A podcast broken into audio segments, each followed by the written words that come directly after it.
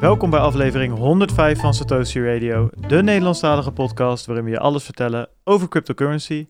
Ik ben Bart Mol en uh, wij zitten nog steeds uh, digitaal met Wijnand Luitjes, uh, Bert Slachter en Peter Slachter. Jongens, leuk, daar zitten we weer. Yes, goedemiddag. Goedemiddag. En um, allemaal. er, schijnt er, er schijnt er eentje jarig te zijn. Dat meen je Ja. niet. Ja, het schijnt dat jullie nu gaan een liedje gaan zingen, toch? De Bitcoin Boogie denk ik. Ja, zet hem maar in, de boogie. De Bitcoin Ja, die, ja maar dat, die schijnt de, de andere slachter gezongen te hebben vanmiddag. Het is ongelooflijk. Ja, Ja. We komen gewoon niet van ze Je komt gewoon echt niet van ze af. Je komt echt is, niet van is er nog af. ergens waar je geen gebroeders ziet? Of? ja. Ja, bij Jinek, hè? Ja, Jinek inderdaad. Ja, maar ja, die denkt ook, die wil ook geen afgelebberde boterhammen meer. Nee, precies. Ik hou die mijn mond wijzen. Maar eh Peet, van harte gefeliciteerd jongen. dank je man. Hoe oud ben je geworden? 24, hè? Ja, Ongekend. ik, zei net al, ja, ja, ja, ik ben nog een keer 30 geworden. ik wil het er niet over hebben. Nee, joh. Oh, oh. Nou, Ja, joh, ja, je maar, ziet er eh, nog steeds uit als een jonge god. Dus ehm, Ja, ja, precies. Daar doe ik het voor. ja, dat, eh, nou, dat is hartstikke mooi. Nou, ja, leuk, eh, een jarige Job in de uitzending. Daarvoor moesten we weer hals over kop eh, halve werkdagen maken. Omdat we het om half vier lekker op kunnen nemen. Maar goed, dan hebben we wel een vrije avond. Want vanavond, Wijnand, gaat die komen. Ja, Season Pass voor bedoel je? Nou ja, die, die, die staat al te downloaden. Die is er al. hè. Die is er al. Daar zijn, die, eh, die 44 gigabyte voor Call of Duty zijn we op aan het halen. Maar de PlayStation 5 komt eraan Om, natuurlijk. ja, om 10 uur, hè? Ja, dan gaan we even, even het livestream bekijken. Maar Dat Peter wil wel- al vertellen hoe duur die was. Die heeft natuurlijk Ja, zijn bronnetjes. maar, maar de, ja, ja, jullie zeggen van ja, dat dat uitlekken op Amazon en de prijs, het gaat niet kloppen. Want, eh, daar stond dat het eh, rond de 600 pond zou gaan kosten. Ah, dat is best wel een prijskaartje. Wat denken jullie in euro's? Wat gaat hij doen? Ja, hetzelfde dan toch vaak. Ja, wel, dat is met dollars. Ja, Maar denk, j- j- jullie dachten van, ah, dat, dat, die uitgelegde prijs die klopt niet. 649 euro voor echt zo'n karige versie. Met één controller zonder game of zo, weet je wel. 649? Ja. Dat denk je, oké. Weet, weet jij nog hoe duur de PlayStation 4 was toen die uitkwam? Ik heb hem wel gekocht. Ik weet het niet. 500 euro? 500 euro? Zoiets? Oh. Nee, maar de geruchten waren toch al dat hij door de aanzienlijke duurder zou zijn. Ook die nieuwe Xbox. Ja, oké. Ja, nou ja, hm, best wel een prijskaartje. Nou, we gaan het zien. 10 uur vanavond. Maar goed, met die partners van jullie moet het geen probleem zijn om er gewoon vier aan te schaffen, denk ik. Toch? Plakken er, we plakken er wel een sticker op of als een partner. Ja, precies. Het zou leuk zijn als een van onze partners PlayStations kan opsturen. Ja. Afscheidscadeautje Nee, maar voor die Wijnand. Die, ga- die gaan niet compatible zijn, zeker, met de oude games. Dus Jawel. dan moet je ook alle Ja, games ja. opnieuw kopen. Dat is wel, de, ja? dat is wel de bedoeling. Maar ik Maar weet waarom niet... zou die oude games willen spelen? Dat snap ik nooit. Dat komt backwards compatible. Want je, die oude rotzooi die weet toch niet meer spelen? Ja, weet ik niet. Nou ja, zo, zolang die spellen niet, op de, niet vernieuwd zijn. Maar ik ben wel eens met Wijnand. Ja, de, de meeste spellen die zullen wel met updates komen. Ja. Ja, ja. ja, we gaan het allemaal zien. Vanavond Ja, gaan we kijken. 10 uur. Meemaken. 10 uur. Ehm, even kijken hoor. Deze podcast wordt mede mogelijk gemaakt door Ledger Leopard, Anycoin Direct, Watson Law, Satos.nl, Maven 11 en Bitcoin Meester. Eh, alles wat wij vertellen is op persoonlijke titel en moet niet worden gezien als beleggingsadvies. En ehm, eh, we zijn bereikbaar via Telegram en Twitter. Alle links staan op www.satoshiradio.nl Eh, en op lekkercryptisch.nl natuurlijk. Daar zag ik ook alweer ehm meer dan nul artikelen deze week bij komen. Dus dan eh, zijn we tevreden, Wijnand. Dat is een goede vangst. Voor mij drie zelfs of zo. Ja, als je, die egel die begint echt op pagina 2 te belanden zo. Ja, dan weet je dat. Ja, ja, rustig aan loopt hij weg. Het is echt prima, prima productie deze week. Ja, nou goed om te horen. hey, ehm, over... ehm, oh, wacht, er staat hier nog... Ik zie tweejarig jubileum. Ja, dat was vorige week. Die gaan we even uit... eh Vieren we gewoon show- weer. show- ja, precies. Ja. Of is het de lengte van het jubileum? Eh, ja, tweejarig, tweejarig jubileum, zeg maar. Ehm, ik zat even te kijken. We hebben weer wat donaties gehad. En ik heb eens even gekeken, Wijnand. eh, want jij vroeg laatst eens van... joh, kunnen we niet een keertje wat gaan eten of zo van die donaties? En ik had nooit echt een goede manier om nou eens te kijken van... joh, wat hebben we nou gehad? En ehm eh, Kloek die had nu een, heel, eh, hele Lightning Node netwerk grafische weergave gemaakt... waar je alle Lightning Nodes in Nederland kan zien. En hoe ze gelinkt zijn met elkaar en zo. En hoeveel ehm, eh, capaciteit ze hadden. En dat is op zich best wel cool. ehm, voor de DNB. Als ze straks ook met AML D6 het Lightning-netwerk gaan controleren, kan je gewoon in één keer dat ding aangeven en zeggen van joh, dit zijn alle spelers. Maar goed, ehm, wat ik wel eh, grappig vond, is dat ik daar zag wat onze totale capaciteit was. En wij hebben Wijnand. 44 bitcoins. Precies. Nee, die kwamen, die kwamen van, 5 staan er komen. Heel goed. eh, die, die kwamen van de sponsoren. Nee, ik bedoel echt van de donaties. Oh ja, oké. ja. Nee, volgens mij zitten we op. ehm, ik had 300.000 eh, Satoshis eh, eh, in onze channels gezet zelf. En we hebben inmiddels 84.000. of We hebben 384.000. Dus we hebben 84.000 eh, Satoshis ontvangen. Wat volgens mij iets van 75 euro is. Maar ik snap niet, jij zegt dat het lastig is hem in te zien. Hoezo, zie kun je niet gewoon de balans zien op je Lightning channels? Of hoe zit dat? Waarom is dat lastig? Nou, het is een beetje hetzelfde waarom, het lastig, waarom, ik, waarom ik het ook lastig zou vinden om mijn eh, vermogen uit te drukken in bolivars. En het uitdrukken gaat nog wel, maar dan nog snappen hoeveel het nou precies is. Want het, we- weet je, 84.000 satoshis, als ik dat tegen jou zeg, kan jij dan binnen een minuut zonder het op te zoeken daar iets van... Ja, oké, maar dat is één, letterlijk één conversieslag. Ik bedoel, ik dacht meer dat het gewoon eh, moeilijk toonde. Maar het is de stap van conver convers die conversie doen, dat is dus waarom het moeilijk was, begrijp ik. Ja, weet je, je komt er ook niet echt aan toe. En ook het, inderdaad alsof je heel veel moeite moest doen om alles te verzamelen. ja. Hoeveel er boven die drie Nou, kloek, kloek, die bedankt. had ingelegd. Heeft Kloekloek heeft een tool gemaakt om het om te zetten naar euro's. Mooi man. Ach joh, joh. En, maar er komt trouwens ook nog, we hadden ook nog wat eh, bitcoin-transacties van maar één keer 40 euro of zo. Dus ik denk dat we rond de 100 euro aan donaties eh, hebben. Nou, dat is leuk. Eén controller. Eh, dat is één controller, ja, dat is, dat is nog niet veel. En ik, eh, of ja, één battle pass of zo. Een paar battle passes. McDonald's uit eten, toch? Ja, weet je, misschien eh, zie ik het wel als service fee, ik weet het nog niet. Ik ga jou er in ieder geval niet van tracteren, Peet. Ehm, misschien Wijnand? Dat hoeft ook Ja, niet? Nou, oké, dat is dan mooi. Nee, ik, dat, zei, eh, ik zei, hoezo niet, joh? Oh, Ben- oké. Ben, ben ik eindelijk een keer jarig? Heb je Ja, dat is ook weer zo. tracteren? ja, dat is ook weer zo. Misschien doe ik het Oude ook weer keer wel. op. Hey, ehm, voordat we hierin verzanden, eh, we hebben wel weer wat nieuwe donaties. Ik, eh nou Wijnand, jongen, hebben we niet, eh, kunnen we, ja, ik, ik las tegenwoordig dat die streamingdiensten harder op gaan treden tegen het gebruiken van copyright muziek. Maar anders had ik iets van Celine Dion eh, opgezet nu, zo'n Titanic theme song. Ja, al die, eh, eh, eh, die, die GameStream kanalen werden toch downgehaald ook? Was dat niet hetzelfde? Ja, ja, dat, ja, ja. Twitch. Ja, op Twitch Twitch. specifiek, toch? Wat zeg je? Dat was Twitch eh, specifiek. Die kregen DMCA's voor hun kiezen van... eh, de, ze, hebben, ze hadden een tijdje geleden, twee jaar geleden... is een nieuwe feature geïntroduceerd... je makkelijk clips kan maken van wat je, wat je aan het bekijken bent. En Ja. die clips, die staan als los van de stream... die bevatten ook de audio van de stream. En daar, eh, daar is nou tegen opgetreden van... ja, er zit muziek onder die, die clips... en daar heb je geen toestemming voor. Dus, nou, weet je, dat, Ja, en de volgende stap is om dat op de stream zelf te gaan doen. Kijk op YouTube en al die andere kanalen wordt al jarenlang eh, eh, keihard op opgetreden. En nu zie je dat ook op Twitch inderdaad gebeuren. Dat was een beetje de, het, ding van de week. Anyway, ehm, verzin de Titanic eh, muziek er maar even bij. Of zet hem even op je telefoon aan als je aan het luisteren bent. Ehm, want Mark heeft een emotioneel bericht geschreven, Wijnand. En die is specifiek gericht aan jou. Hij zegt, damn, zonde van Wijnand. Maar denk dat ik het wel begrijp. Een wekelijkse podcast mag geen moedje worden.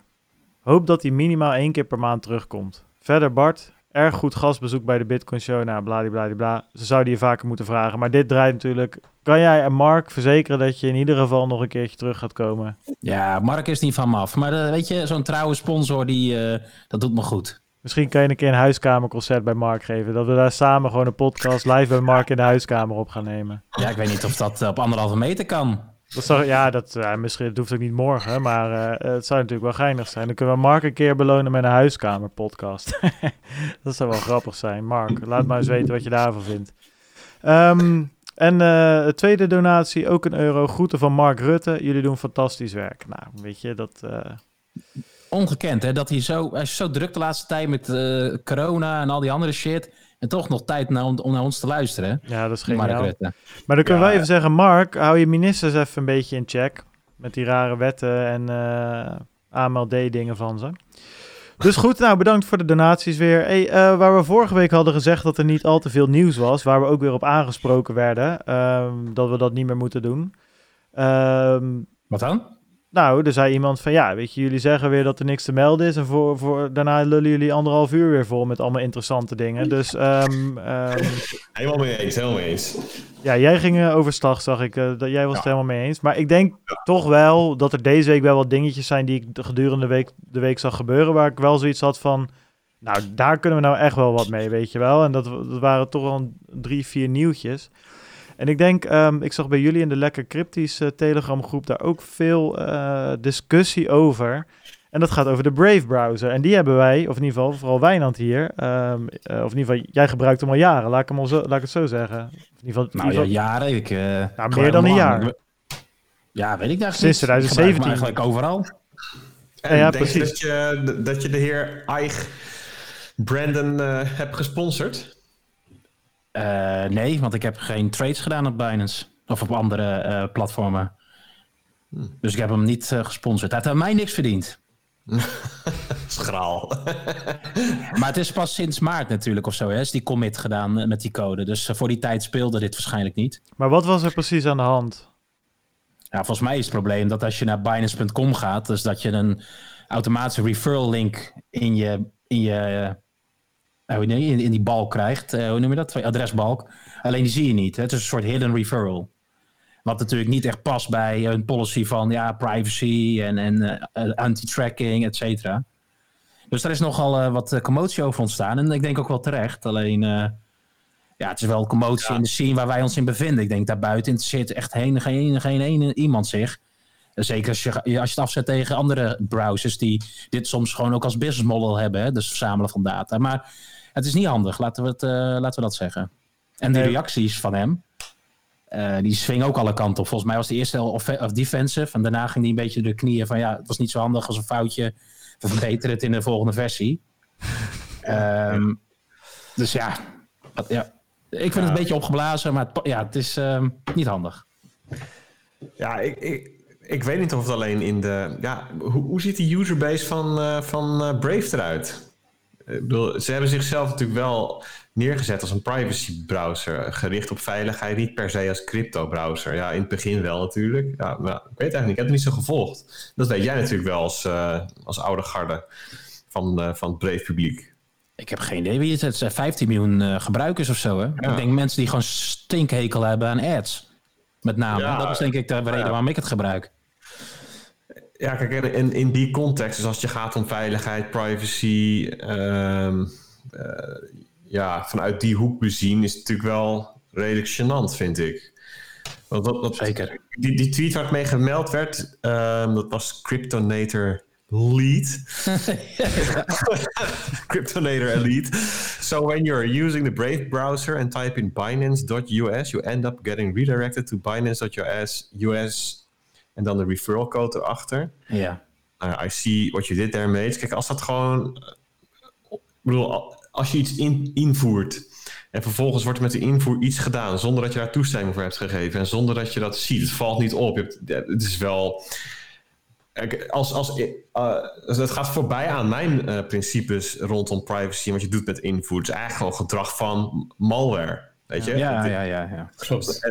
eh, en in die, in die context vind ik het wel echt heel, heel gênant. Nou, het is natuurlijk wel een voordeel voor, eh, voor Brave dat, dat, dat misschien de, het grootste gedeelte van de mensen niet, zulke, niet zo'n strikte blik erop heeft als, als ik de hanteer. Maar ja, ja, ik- het, is eh, toch een beetje met... Kijk, er is één regel eh, rondom referral links, dat het prima mag. En veel mensen accepteren het ook als een manier om geld te verdienen. eh, voor creators vooral, iets minder misschien voor bedrijven. Maar Brave is, had het misschien best wel kunnen doen. Maar de enige regel rondom referral links is dat je heel duidelijk aangeeft dat je met referral links werkt. Ja, precies. Weet je, als ik een blogpost schrijf met wat voor podcast equipment ik gebruik en ik zet er allemaal linkjes in en ik zet er netjes boven van jongens, dit zijn allemaal Amazon of bol.com referral links, dan verdien ik er ook nog wat aan en hebben jullie geen ads, bla bla bla. Vindt iedereen dat prima. Alleen eh, als ik er allemaal linkjes in zet en het blijken referral links te zijn, dan dat vinden mensen gewoon niet zo chill. Nee. Laat staan als jij een privacy browser inderdaad bent en je market echt van, joh, je kan ons vertrouwen. Weet je, ja, en je kan ze dus eh, niet vertrouwen, weet je. Dat is het ding. echt gênant voor woorden. Eh, het- Heel, heel lang, ik weet niet of het nog steeds zo is, was de, was de pinned tweet van, eh, van Brandon, Eich, Ike, ik weet eigenlijk niet. Uh, een van de twee oprichters van Brave. Dat was, uh, en ik citeer: Who owns your attention? Who owns your web browsing experience? Who gets paid? If not you, then you're the product. ja, ja dat, dat blijkt wel weer, ja. ja. Time to get paid at Brave. Ja, ja ja, Ze hadden het gewoon netjes moeten doen. Gewoon opt-in, weet je wel, melding van uh, wil je hier achter staan, uh, doe dan slijt dit naar rechts en je doet mee. Maar dit is natuurlijk niet zo handig. Ja, had je er zelf... De code is wel op de web, hè? dus mensen, volgens mij kunnen mensen het ook gewoon zien. Het is niet verborgen in een of andere uh, sketchy, weet ik veel, database of noem je dat, library die je niet kunt zien. Het stond wel committed op een GitHub, toch? Dus Tuurlijk, tuurlijk. Dus het, het, het was te vinden, maar goed, het was wel obscuur. Ja, je had zelfs nog kunnen denken van, joh, maak er een soort van uh, stacking.com-achtig model van. Ik weet niet of jij, jullie daar wel eens van gehoord hebben trouwens. Um, nee, maar serieus, kijk, weet je, dat is natuurlijk ook, die werken ook met die referral codes en die betalen een gedeelte daarvan uit uh, uh, naar jou als user. Weet je, en uh, ik zat even te kijken. Er, er, er, schijnen dus ook allemaal andere bedrijven te zijn die dat in geld doen trouwens, sinds ja, afgelopen jaar. Um, dus, um, maar anyway, het punt is van, joh, dan kan je inderdaad zeggen, uh, zoals Wijnand zegt, van joh, dit is gewoon een functionaliteit, je kan doen opt-in en dan krijg jij een paar procent en wij een paar procent. Maar ja, dit, dit, en dat hebben ze niet gedaan. En dat, dat getuigt ook een beetje van, oké, okay, we willen dat iedereen, bij iedereen staat het aan en we willen alle referrals voor onszelf, weet je wel. Ah, het voelt gewoon niet Nee, precies. Niet lekker, weet je. En... Het, is vooral, het is vooral de context, joh. Ik bedoel, hoe, hoe kan, je, kan je Brave nu uh, nog blind vertrouwen, zeg maar, op wat ze zeggen? Ja, dat op, is dus het ding. positioneren. En dat is, dat is een stomme. Het is van iets van... Ik weet niet meer, hoe gaat die, uh, die quote over reputatie of zo? Dat het, uh, vertrek per paard. Kom, ja, komt te voet, vertrek nou, per paard. Exact ja. dat, weet je wel. En het is zo'n klein dingetje. En ik vraag me af, überhaupt af hoeveel ze hier nou mee verdiend hebben, weet je wel. En het is denk ik gewoon totaal niet de moeite. En... Ik denk dat het ook de impact wel echt gaat meevallen. Ja, ik denk het ook. Ik denk het ook. Ik bedoel, ik, ik gebruik die browser, ik gebruik hem al niet. En het is niet dat ik, ik was het ook niet van plan. Dus en, en ja, ik neem maar aan. Wat gebruik je, Peter, wat gebruik jij nu dan? Wel, wat, wat, wat voor browser, browser gebruik jij momenteel? Ik gebruik uh, Chrome. Gebruik ik. En Firefox en Safari. Ja, eigenlijk een heel setje, maar dat heeft maar meer te maken Chrome. met de werkzaamheden maar, dan. Maar het hele businessmodel van Chrome is toch juist uh, tracking?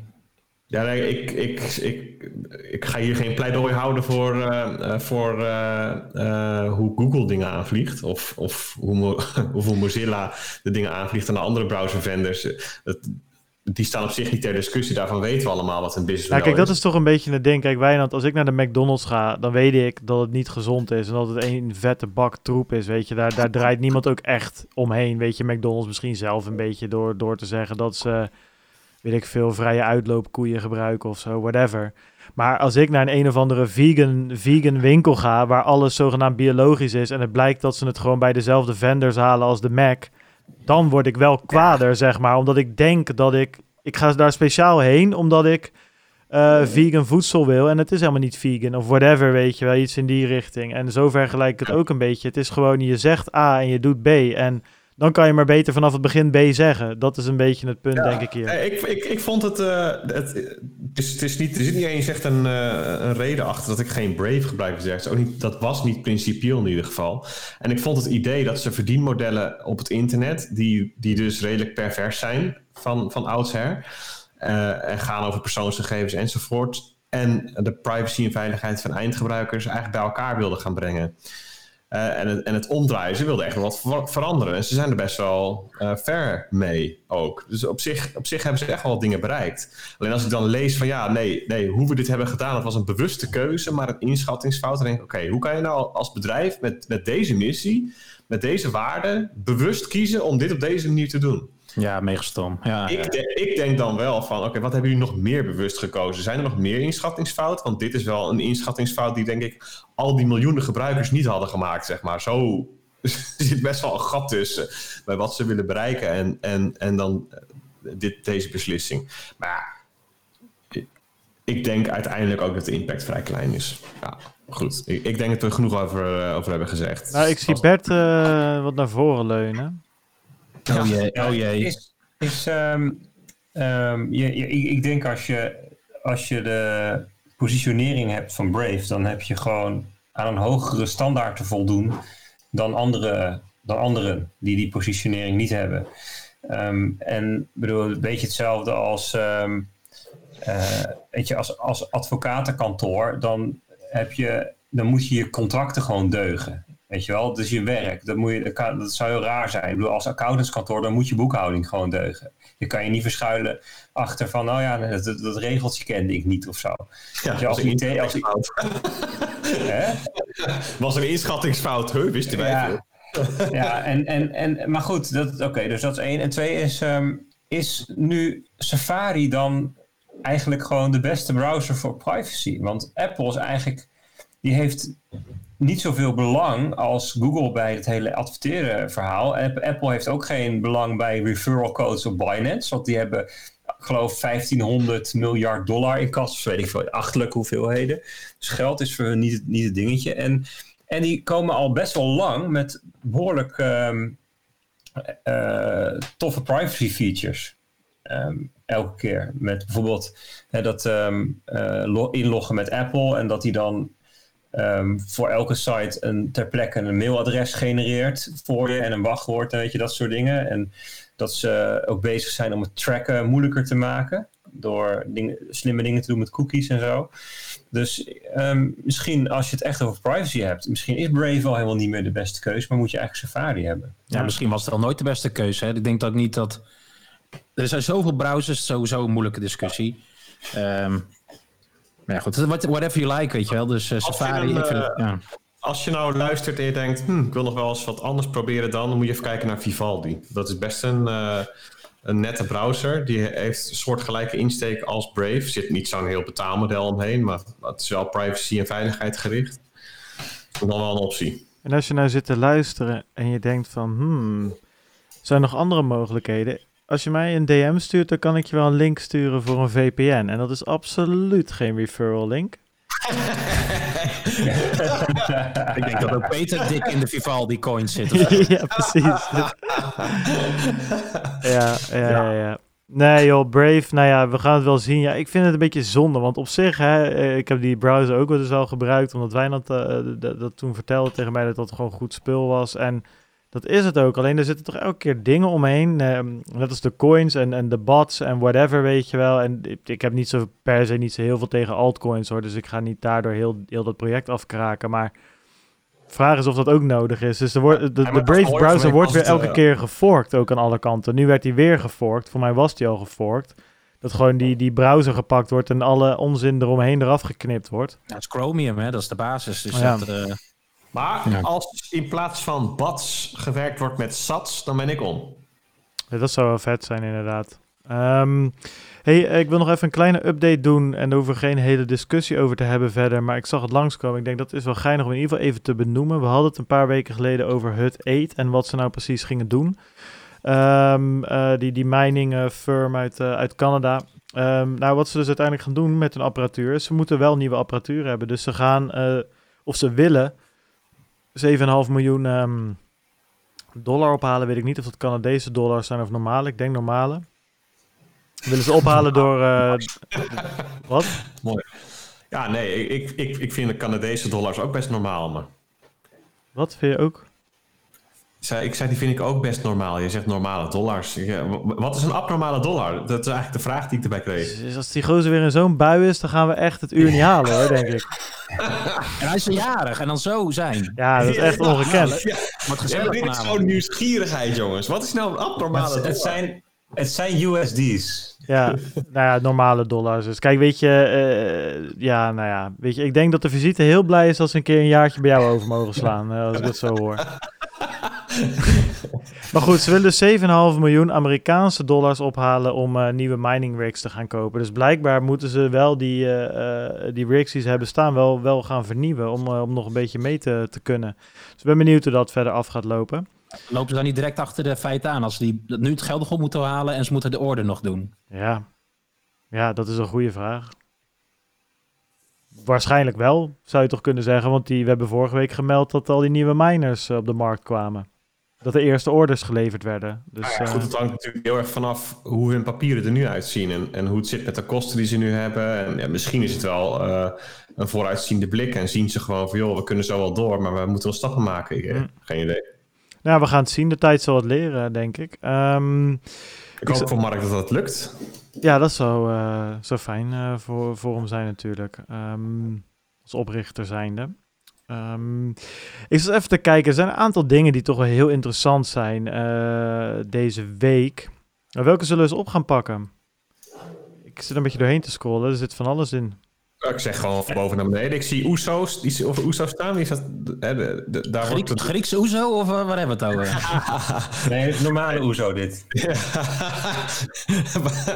Niet weer. Nee, de Oeso die voorspelt de diepste recessie in meer dan een eeuw. Ja, Ja, de, de Oezo, dat is, ehm, ehm, in, dat is mooi Nederlands klinkt. Ik tapje dit, dat is wel een beetje jammer. Dat is een Ja, Nederlandse variant van de. OECD. Ja, oké. precies. Nu even los van elkaar. Ja, dat is de, de Organisatie voor Economische Samenwerking en Ontwikkeling. En je kent misschien de OECD beter. Dat is de Engelse naam ervoor. En die hebben ehm, hun Economic Outlook gepresenteerd in, van juni 2020. En daar staat het, het artikel in het Financiële Dagblad, daar stond boven... OESO voorspelt diepste recessie in meer dan een eeuw. Ehm, en dat impliceert dus dat die recessie ook groter is dan ehm, die van 1929. Hè, want dat is minder dan een eeuw geleden. Ehm, de grote depressie, zoals die dan heet. En er staat bovenaan in een mild scenario krimpt de economie van de OESO-landen dit jaar met 6,1% en een somber scenario uit van 7,6%. Maar voor de eurozone gaat het over respectievelijk 9,1 en 11,5% krimp. En Nederland komt er dan goed vanaf met 8 of 10% krimp. Hè? Dus dat is het gunstigste of het ongunstigste scenario. Ja, dat zijn natuurlijk enorme ehm, bedragen. En ze hebben gekeken naar 2020 en 2021. En ja, allebei zag het daar niet zo heel denderend uit. En ze hadden dan, ik geloof dat het, ehm, het negatieve, het sombere scenario gaat er dan van uit dat we dus in het volgende winterseizoen, zeg maar, nog een tweede ja, impact komt van coronacrisis. Of dat dan is lockdowns of eh opleving of wat dan ook. Maar dat zijn dus eigenlijk een beetje de twee scenario's. Nou, ik vond het wel eh, stevig nieuws. Dat is, ehm, kijk, en ik vind het vooral interessant omdat. Kijk, we zijn zo, zo heel erg bezig met versoepelen nu hè, in Nederland. Dus het gaat allemaal over wat mag er als eerste weer open. Gaan de vliegtuigen, gaan vakantie, landen eh, gaan open. Volgens het dashboard zijn er nu 1700 mensen besmettelijk. Nou, dat is echt wel heel weinig. Hè? Dus dat gaat, gaat echt naar lage aantallen. Nieuw-Zeeland, die heeft ehm, van de week gezegd...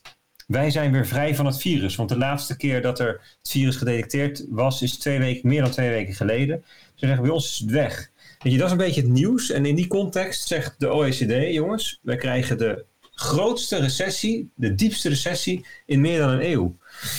Ehm, dus dat betekent eigenlijk dat ehm, er een verschil is tussen hoe we nu met die versoepeling het allemaal ervaren. Het, het voelt een beetje als het is achter de rug.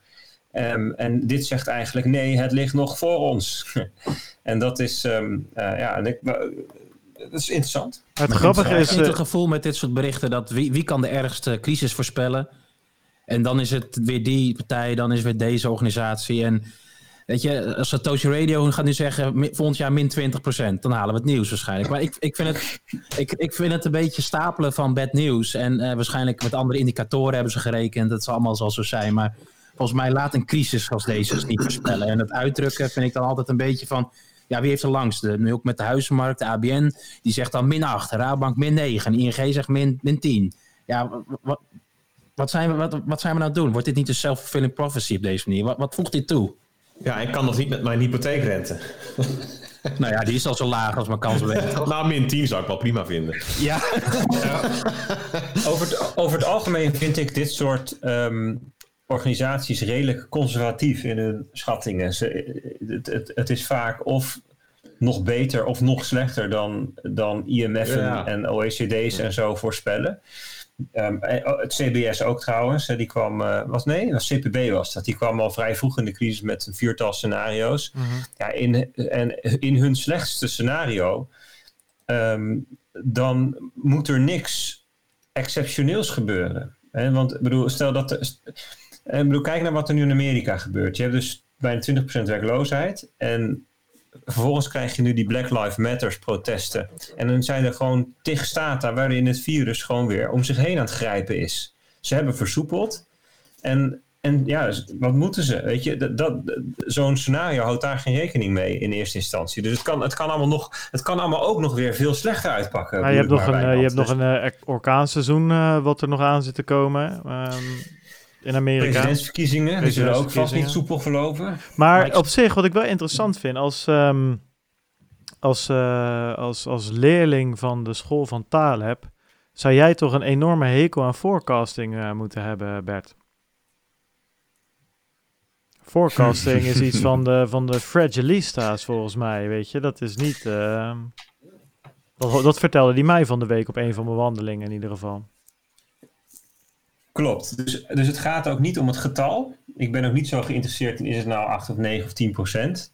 Ehm, dat is, eh, maar wel om de onderliggende ehm, waarnemingen die ze doen. Dus ze nemen dingen waar in de huizenmarkt, in de arbeidsmarkt, in faillissementen, ehm, in werkloosheid die oploopt, in productie die, die niet helemaal herstelt. En dat zijn gewoon scheuren, structurele scheuren.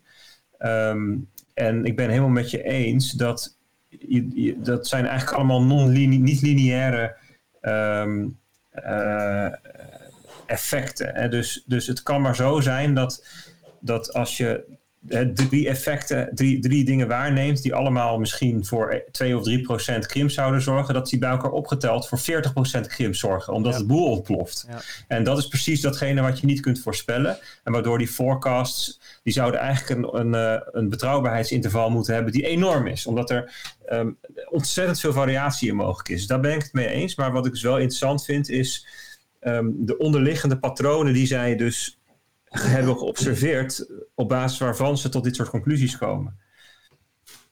Ja, wat je ook ziet, en, en, en jij, jij, jij trekt een beetje de, de vergelijking of, of het contrast eigenlijk tussen het versoepelen en het openen en het beetje het gevoel in het land dat dingen wel een beetje achter de rug zijn of het ergste wel gehad hebben en dan wel telkens die voorspellingen van nou jongens, let maar op, de recessie die eraan zit te komen, die, die, die hebben we nog nooit gezien.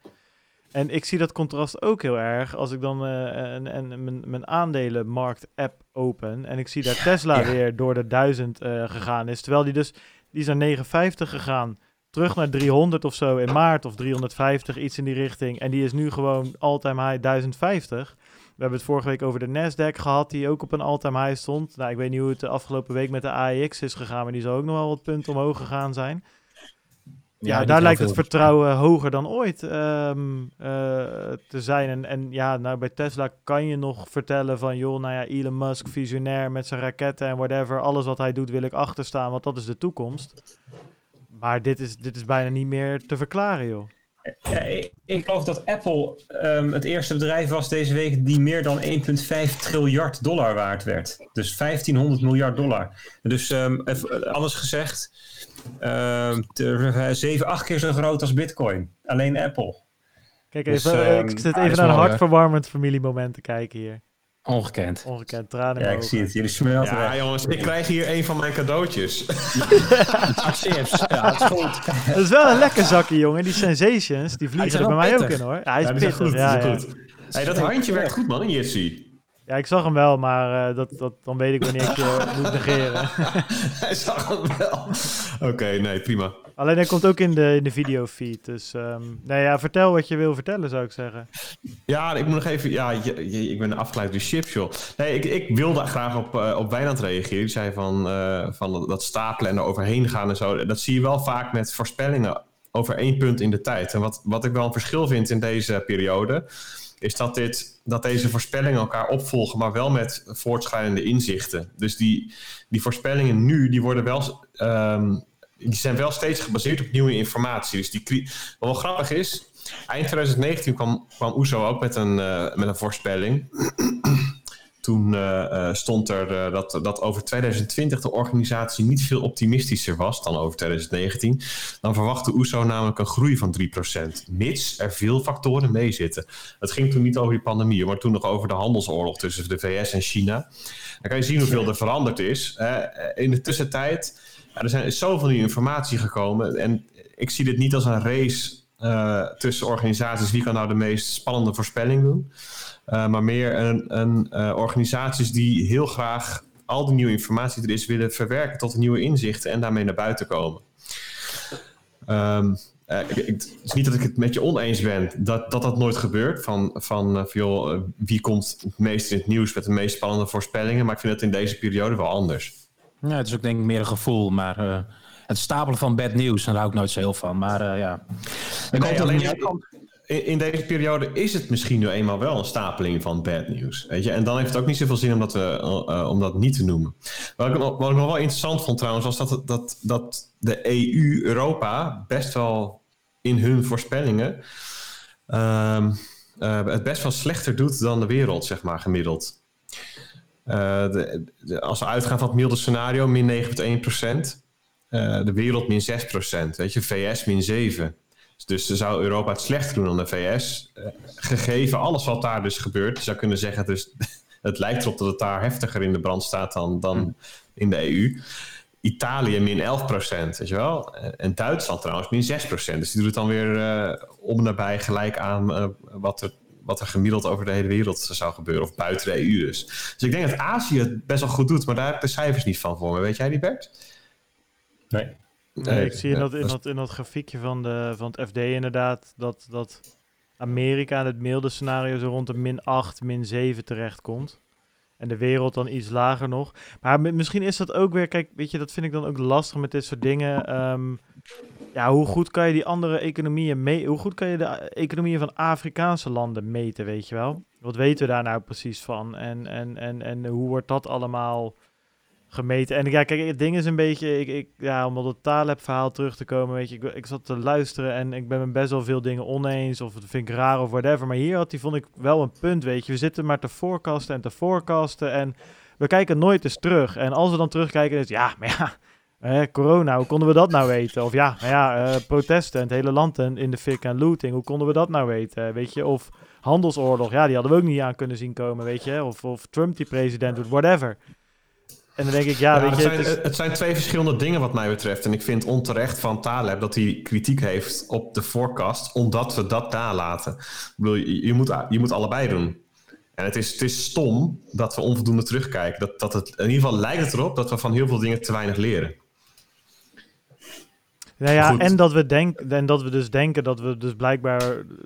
Zeg maar, als je terugkijkt, dan kloppen volgens mij best wel veel forecasts niet. Ik denk dat het grote, overgrote deel van de forecast niet precies uit is gekomen uh, met wat ze zeggen. En volgens mij, want ik heb wel het gevoel dat we er vaak beslissingen mee nemen of dingen mee bouwen. Alsof die uitkomst, alsof, nou, weet je, dat, dat, dat gaat wel uitkomen. Ja, of je past je gedrag erop aan. Ja, ik, ik, hou heel erg van forecast. Niet om, om het cijfertje, maar omdat, je, omdat het forceert om na te denken over, uh, over, over verschillende scenario's, over mogelijke scenario's, over, over time preference. Van, van uh, wat zouden we kunnen gaan doen en wat voor invloed heeft dat? Ja. Eh, op zichzelf is het, en dat is jammer. Kijk, in de media draait het wel om het cijfertje. Want het gaat, eh, zeker als, eh, als de meeste mensen zijn koppensnellers, dus dan gaat het over die, die, die 10% of die 11% of weet ik veel wat.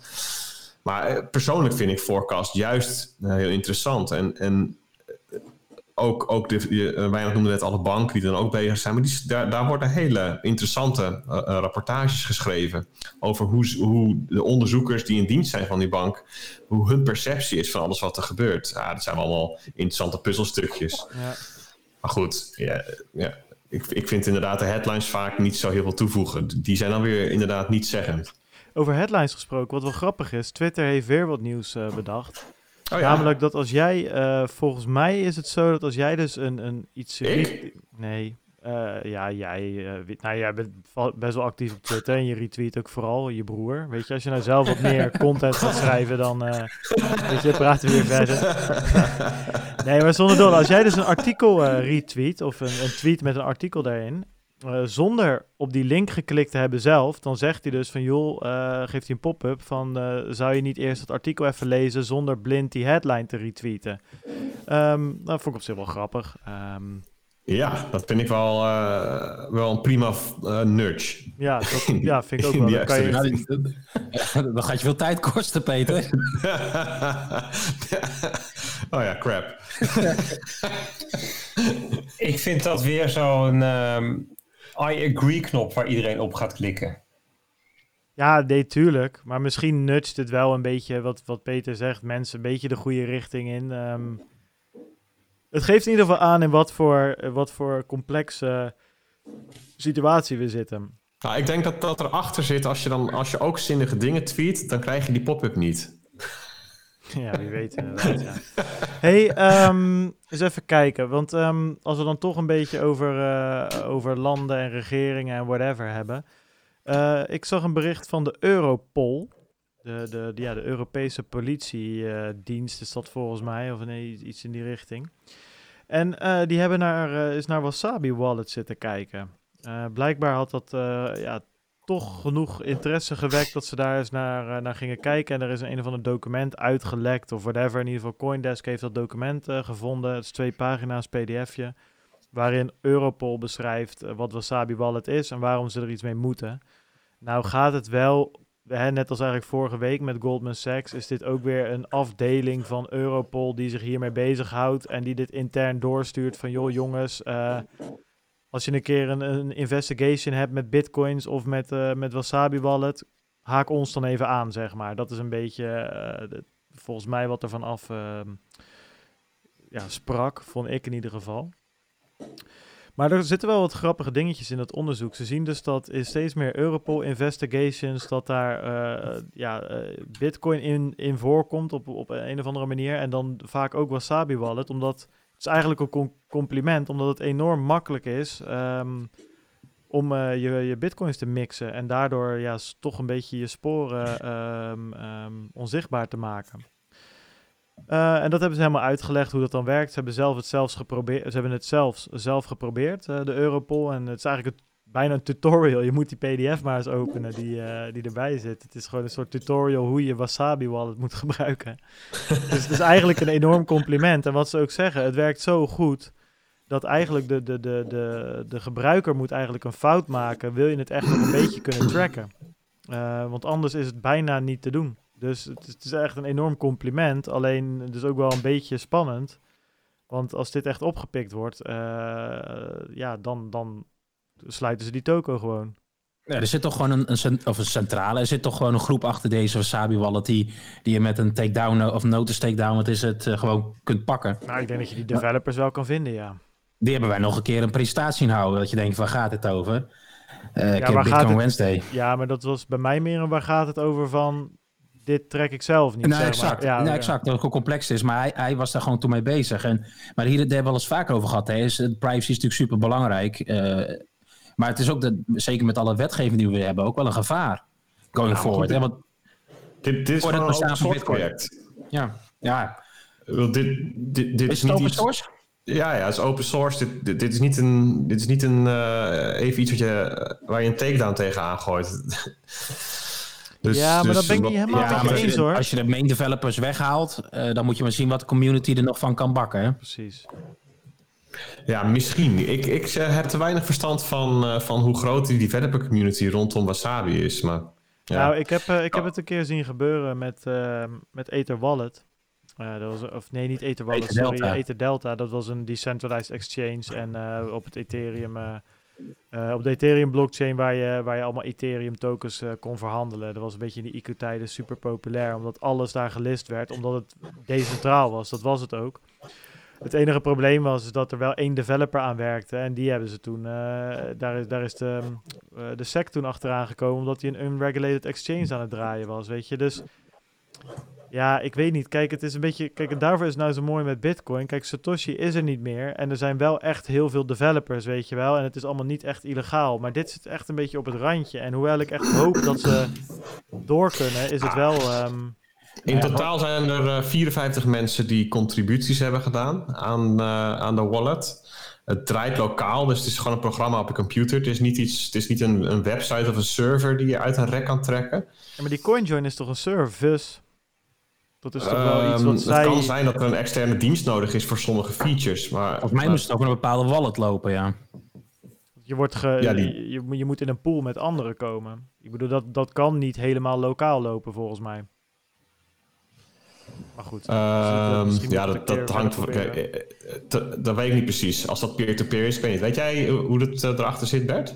Maar dan kun je niet, ja, maar als het, naar, de- het moet toch naar centrale groepen, want die heeft toch de transactie of de, key. Als je dat zelf maar ja, je eigen wallet gaat sturen, dan blijft het toch traceable. Ja, je hebt volgens mij een CoinJoin coördinator nodig. Ehm, maar ik weet niet of dat al helemaal trustless eh, geïmplementeerd is. Het zou best kunnen, dat, dat, dat is niet uitgesloten. Ik kan me voorstellen dat ook dat proces eh, trustless is geïmplementeerd. Misschien wordt er van Tor gebruikt. Ehm, ja, eh, goed, dat, dat lijkt me wel eh, in ieder geval het, het uiteindelijke doel van, van Wasabi. Dat, dat ook dat ehm, als een decentrale schil om Bitcoin heen Ja. zit. Maar goed, dat zouden we eens een keertje moeten, wat dieper moeten uitzoeken, zodat we daar in, eh, in een minuutje of tien gewoon een, een goede infosplaner van kunnen geven. Ja, als, als Kloekloek luistert, maak er een aflevering van en je beginnen met Bitcoin Hey, Bart. eh, verhaal.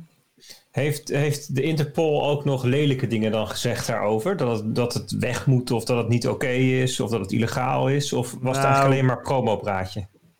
Nou, kijk, volgens mij was dit een onderdeel van Interpol, een soort van cybersecurity afdeling of zo, die dit eigenlijk wel gaaf vond, had ik een beetje het idee. En die dit meer, dit onderzoekje hebben gedaan en dit gewoon intern doorsturen naar, naar ja, hoe noem je dat, eh, agenten of zo, what- whatever daar werken, onderzoekers, eh, rechercheurs.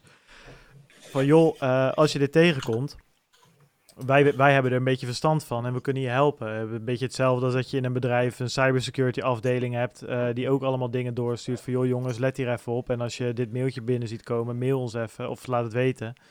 Dan kunnen wij er wat aan doen. Zo zag het er een beetje uit. Ze hebben niet echt negatieve dingen gezegd. Het enige wat ze wel zeggen, een soort van kleine, korte achtergrond, is dat eh, er in totaal zo'n 110.000 eh, bitcoin door die mixer is gegaan. Eh, dus dat is ongeveer 500 miljoen euro. En 30% van die transacties, eh, ongeveer 50 miljoen euro.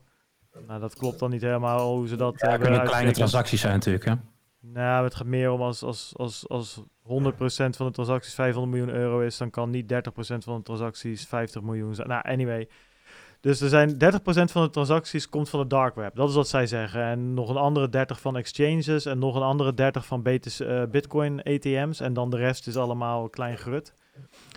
Dus ja, weet je, eh, het wordt ook nog best wel veel legitiem gebruikt. Alleen wat zij zeggen, het is wel opvallend eh, dat 30% komt van het dark web, terwijl maar 1% van alle Bitcoin transacties eh, op het dark web plaatsvindt. Dus Ja, dus dit, dit gaat om 30% van 1% van alle transacties. precies. Ja. ja, zoiets. Maar, ehm, Maar goed, ja, dat is ehm, wat ze erover zeggen. Ze zijn best wel neutraal en ze zeggen niet echt eh, hele rare dingen. Ze zeggen vooral gewoon dat het extreem goed werkt. Want het is niet, eh, als je het goed uitvoert en je doet voor de rest geen gekke dingen, dan is het niet terug te vinden. Dan is het niet te tracen. Eh, Weet je, dan moet je andere dingen dom doen. Dat je, weet ik veel, een van de publieke IP gaat zitten, whatever, hoe je het... Ja, of ze gaan een exploit zoeken toch. De, dat las ik toch ook. eh, Wat met het Tor-netwerk gaan ze ook op zoek naar specifieke... eh, ja, dat is ook bij design zou het eh, veilig moeten zijn. Maar ze gaan net zo lang op zoek naar een, naar een exploit die ze kunnen gebruiken om je toch te traceren. Ja, las vandaag nog op Tweakers een iemand die op Facebook bepaalde iemand lastig viel. En die gebruikte dan ook een aparte Ubuntu-install. En daar hebben ze een aparte exploit voor ge- eh, gezocht om die gozer te targeten. Dus eh, hoe ver je wilt gaan. En dat, dat kan bij Wasabi natuurlijk ook het geval zijn. Hè? Ja, nee, precies. Alleen dan waarschijnlijk is je bottleneck niet eh, de coin join of hoe jouw coins gemixt zijn. Maar een van die andere dingen wat jij zegt, wat voor machine je op zit of achter, hoe jij op het internet bent aangesloten, whatever. Dat zal Ja, dan jouw bottleneck worden. Ja, precies. Dus goed, ja, op zich was het wel, ja, wel een compliment. Maar ik ben ook wel benieuwd hoe dit de komende jaren gaat. Hoor. En dat vind ik dus ook een beetje... Ik juich die privacy-initiatieven wel toe, maar ik ben er zelf wel een beetje huiverig voor. Want ja, weet je, als jij je hele BTC-stack even door zo'n mixer haalt op dit moment, omdat je denkt van, nou, dat zal wel, eh, dat is goed voor mijn privacy. Ja, weet je, misschien over drie jaar loopt de Belastingdienst aan je kop te zeiken. Ja, weet maar ja, weet je, ze gaan dat niet tegen kunnen houden. Als, dat allemaal, als het allemaal da- daadwerkelijk decentraal eh, in de architectuur wordt opgenomen en er zijn geen centrale diensten voor nodig, en het, ja, dan, dan leeft het gewoon net zoals dat Bitcoin leeft. En, dan, en dan, ja, dan, dan is het er gewoon, dan moeten ze dat als een feit aannemen. Ja, is prima, maar spring jij maar als eerste dan. Wat ik wel. Kijk eens even wel- aan. Wat bedoel je daarmee? Nou, dat ik, kijk, het, het wordt laat. Kijk, ik ben heel erg nu juist van het uitproberen van nieuwe dingen die ik, die ik ontwikkeld zie worden eh, voor Bitcoin. Of sowieso in de crypto-wereld, maar vooral Bitcoin de laatste tijd. Dus als ik zie dat er, dat, dat er een coole Lightning Node solution is en, en die dingen, weet je, daar duik ik meteen op, wil ik uitproberen. Bij het mixen en, en die Wasabi Wallet heb ik juist zoiets van, nou ja, laat het voor nu maar even gaan. Of in ieder geval gewoon met, met mijn Bitcoin holdings. En dat, dat, is, dat is helemaal geen. Uh, weet je, daar, Ja, daar, daar, maar- daar, maar heb ik zoiets. Dat, waarvoor zou ik dat nu door een mixer gooien? Waarom zou ik het doen? Behalve Nee, om het ik uit te bedoel, proberen. als, je- als je daar nu eh, het, het gaat niet, op zich is de vraag niet van of jij daar nu behoefte aan hebt. Maar het punt is dat Bitcoin die, die kant op beweegt. We hebben CoinJoin, we hebben CoinJoin, Dandelion, Schnorr Signatures volgens mij, Taproot, CoinSwap. Het Lightning Network is, is per definitie wat er gebeurt ehm, in het kanaal zelf, is, is ook eh, eh, privé. Eh, volgens mij, ik, ik geloof dat Aaron van de Bitcoin Show eh, was ook betrokken deze week. Was was wel aardig nieuws, geloof ik, dat er, eh, dat er funding is voor, voor het werk aan privacy features eh, in Bitcoin. Weet je, die, die richting gaat het wel op. Dat er gewoon geen centrale diensten meer nodig zijn voor, voor dit soort features. En Ja. misschien is, is straks wel default dat gewoon niet te zien is. Wat voor soort transactie het is, wat er in is gegaan, wat uit is gegaan. I don't know. Nee, ik ben En met je dan- eens. Daar sta ik ook. dan, dan, dan is het helemaal niet meer iets waar je, waar je, over, waar je, waar je voor kiest of waar je mee bezig bent. maar daar sta En ik dan, wel en achter. dan wil je terug naar ja. Fiat en dan kom je bij een broker en die zegt, nou ja, waar komt dit vandaan? En dan kun je dus niet meer aantonen. Dan zijn ze een soort van besmeurd hè, met de nieuwe wetgeving. Dus in hoeverre is dat dan wenselijk? Als dat de standaard feature is. Als iedereen het doet, dan verhoogt het juist de fungibility. Dus dat je het onderscheid niet kunt zien tussen de een en de ander. Ja. Ja. binnen het netwerk, dat snap ik. Maar als je, dus als je de exposure zoekt naar een fiat, want je zou toch wel graag een keer boodschappen doen. En je kunt je spaarcentjes die je in bitcoin hebt niet eruit halen. Omdat deze feature dus inderdaad standaard is. Hè, dus in, going forward, is, moet dat bij default zijn? Dat, is, dat weet ik niet. Er- gaat nog wel een, een, een principiële strijd gevoerd moeten worden. Hè? Want Peter die noemde net het artikel wat Aaron schreef op eh, bitcoinmagazine.com. En dat, dat gaat erover dat de Human Rights Foundation, die geeft dus 50.000 dollar ehm, als grant, als gift beschikbaar gesteld voor CoinSwap. Ja, de Human Rights Foundation, dat is niet een of ander random ehm crypto-partijtje. Dat, dat, dat gaat over ehm, heel principiële vragen van is privacy een mensenrecht of niet? En dan kan de politie het één willen en daartegenover staat de Human Rights Foundation. En Tuurlijk. Ja, maar Ehm, welke van de twee heeft de monopolie op geweld? ja, kijk maar in Amerika wat er Nou nu ja, gebeurt. nou ja, precies. En dat is het denk ik het punt van Wijnand ook. Kijk, begrijp me niet verkeerd. Hè? En ik denk dat ik ook voor Wijnand spreek wat dat betreft. Kijk, wij staan niet lijnrecht tegenover privacy-oplossingen. Weet je, ik wil het graag gebruiken. Maar ergens moet je ook met je spaarcentjes wel pragmatisch kijken van... joh, wat voor risico's kleven er op dit moment aan? En ik ben het met je eens, als het op een gegeven moment zover is... Hè, met CoinSwap was het voor, bijvoorbeeld zo dat je niet eens kon zien dat het een CoinSwap was... Dus dan kan een exchange helemaal niet zien dat die coins gemixt zijn, ja of nee. Nou, dat, dat, dat maakt de hele discussie anders. Op dit moment met een CoinJoin kunnen ze het wel zien. En dan zag je dus al dat Binance bijvoorbeeld die inkomende transacties freeze, die, eh, die gemixt zijn. Ja, dat wil ik gewoon niet als ik mijn spaarcentjes om wil zetten om mijn huur te betalen of whatever, door, omdat, omdat ik ontslagen word door corona. Whatever, weet je. Dus dat is een beetje, denk ik, het punt, eh, Ja, punt waar wij nee, naartoe nee, gingen. En, tuurlijk, en- tuurlijk. Dat, dat is ook zo. Dus, dus je, je kunt er inderdaad... Nu zijn er argumenten om het niet te doen. Wat ik trouwens nog wel interessant vond... was dat dit vanuit Nederland komt, hè, dit rapport uit Den Haag. En ik geloof dat er ook in het rapport iets staat over de fiat. Oh ja, dat is hier de, de Dutch fiat. Dus de fiscale inlichting en opsporingsdienst. Uh, has started promising technical research into behavior and demixing of wasabi transactions and are interested in hearing about similar research activities in other countries. Dat vind ik wel weer interessant. Eh, want eh, in hetzelfde document wordt gezegd ja, eigenlijk is het niet te doen dat, dat demixen. En, en tegelijkertijd eh, hebben, eh, hebben ze veelbelovend onderzoek lopen. Nou ja, kan er verder niks over, over eh, inhouds over zeggen natuurlijk. Want eh, ja, dit, dit, dit soort documenten lekker niet eh, regelmatig uit. Dus ik verwacht ook niet een update. maar goed, het is wel interessant. Dus dat wij, eh, we wonen weer in de buurt van waar, waar het gebeurt, wat Ja. dit Jij- betreft. Jij kunt toch gewoon eh, met je perspas gewoon even bellen? ja, oké, ik kan bellen, ja zeker. Nee, ja, kijk, en ik denk ook vooral, hè, om nog heel, heel even terug te komen. Kijk, het punt is een beetje dat ik gewoon, ehm, en dat heb ik zelf op een gegeven moment ook een beetje gezegd, dat, dat toen was ik lekker Lightning aan het uitproberen. Dacht ik, volgende wat ik uit ga proberen, jongens, gezellig, gaan we een videootje maken, gaan we even lekker mixen, weet je wel. En ik wilde toch wel een beetje, zeg maar, zeg maar kijken van, oké, weet je, tuurlijk, ga ermee aan de slag, lees je in, probeer het een keertje. Alleen, er, zit, er, zit, laat ik het zo zeggen, er zitten volgens mij op dit moment iets meer onduidelijkheden nog aan, die ook wel gevolgen kunnen hebben dan bijvoorbeeld aan een lightning nootje opzetten en daar wat geld in zetten, wat channeltjes openen, weet je. Daar ga je niet, ehm, eh, daar zit het grootste risico misschien in, in technische zin dat, dat jouw channels eh, dichtklappen of whatever, dat je geld kwijt bent. Dus goed, dat is een beetje de disclaimer die ik, die, die ik wil geven van, joh, lees je wel goed in en mix niet in één keer al, al- al je zuurverdiende satoshis, omdat je, omdat je denkt dat het geen kwaad kan, weet je.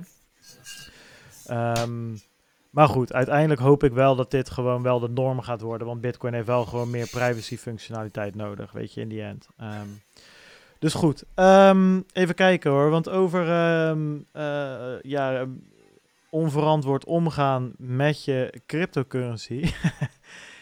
Wat er daar deze week gebeurd is, nou, ik snap er helemaal geen zak van. Maar het, is, het doet me denken aan die ICO-tijden, Wijnand. Toen, eh, toen, ja, het gaat over Ethereum en, en, en, een, en een hele rare transactie die daar deze week gestuurd is. Dus er is een, ja, moet ik even kijken of ik deze toch een beetje kan vergroten. Er is een whale geweest, of in ieder geval iemand met heel veel Ethereum. En die wilde er graag vanaf schijnbaar. Eh, want die heeft een transactie verstuurd van eh, een halve ether. Dat is 133 dollar op dit moment. En die heeft daar aan, aan transactiefee 10.000, die heeft 10 miljoen. Hoe- Hoeveel is dit? Nou, in ieder geval, Nee, dollars staan erachter. ja, nou, toch? tw- 2,5 2,5 miljoen dollar. Hoeveel ethers zijn dat? Iets van 10.000 of zo? Bijna 11.000? Iets in die Ja, richting? een hele, een hele berg. nee, bijna 11.000. 10.000 nog wat, ja. Ja, dat is toch. En, alsof, en iedereen zat dus. En dit gebeurde ergens eh, deze week. Ik weet niet meer. eh, Gisteren. eh, gisteren of zo. En iedereen Ja. dacht van nou, misschien is het een foutje, dit en dat. Maar nu vandaag is dus precies dezelfde transactie. Of in ieder geval met exact dezelfde fee. Dus weer 2,5 miljoen dollar. En eh, weer, eh, nee, nu gaat het wel om wat meer ether, 350 ether. Maar goed, het staat natuurlijk nog niet in, in verhouding. Dus, dus weer zo'n enorme fee betaald door dezelfde persoon. Het is toch Maar welke pool heeft die tweede keer gepakt? ja, niet dezelfde. De eerste keer was het ehm Sparkpool? Sparkpool. En de, vandaag, ik, ga- ik, kan, ik kan even kijken. Want Sparkpool die vist wel vaker van dat soort rare transacties eruit. Want die hadden vorig jaar ook een al... poos eh, geleden een keer is ook zo'n transactie fee gefrozen. Want dat was toen een developer die een foutje had gemaakt. Maar dit, dit is, deze wallet waar dit vandaan komt is ook duidelijk een... eh, het is niet een, een, een, een simpele gebruiker die af en toe een transactie doet. Hè. Er gaan tientallen transacties per dag op en neer. En er staat ook echt voor miljoenen op.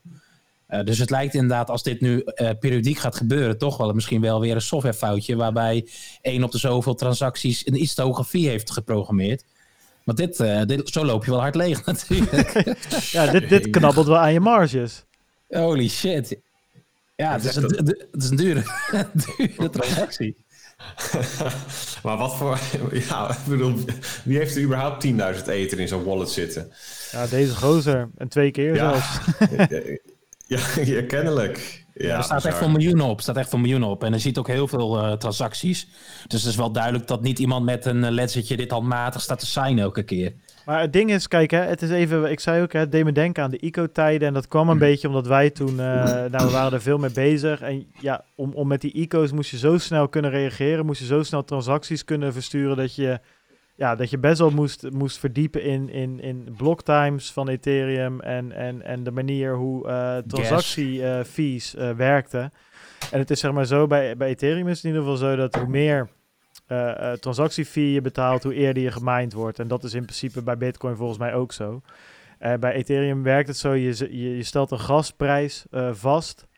Dus je zegt bijvoorbeeld, nou mijn gasprijs is 1 ether per unit gas, om het zo maar te zeggen. En daarna stel je een gas limit vast. Dus je zegt bijvoorbeeld, oké, okay, mijn transactie mag maximaal 50 units gas ehm, eh, bevatten.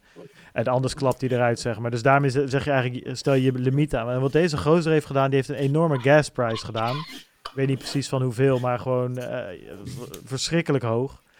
Dus ja, we kunnen er wel van uitgaan dat deze eh, direct gemined is. Dit wordt natuurlijk door, door de miners direct in een blok gepropt.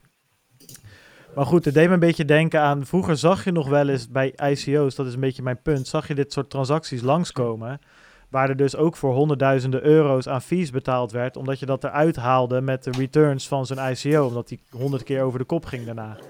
Ehm, maar goed, dat is hier niet het geval. Het is gewoon een normale ethertransactie. Dus dat is helemaal niet nodig eh, om dit te doen. Dus wat kan de reden zijn?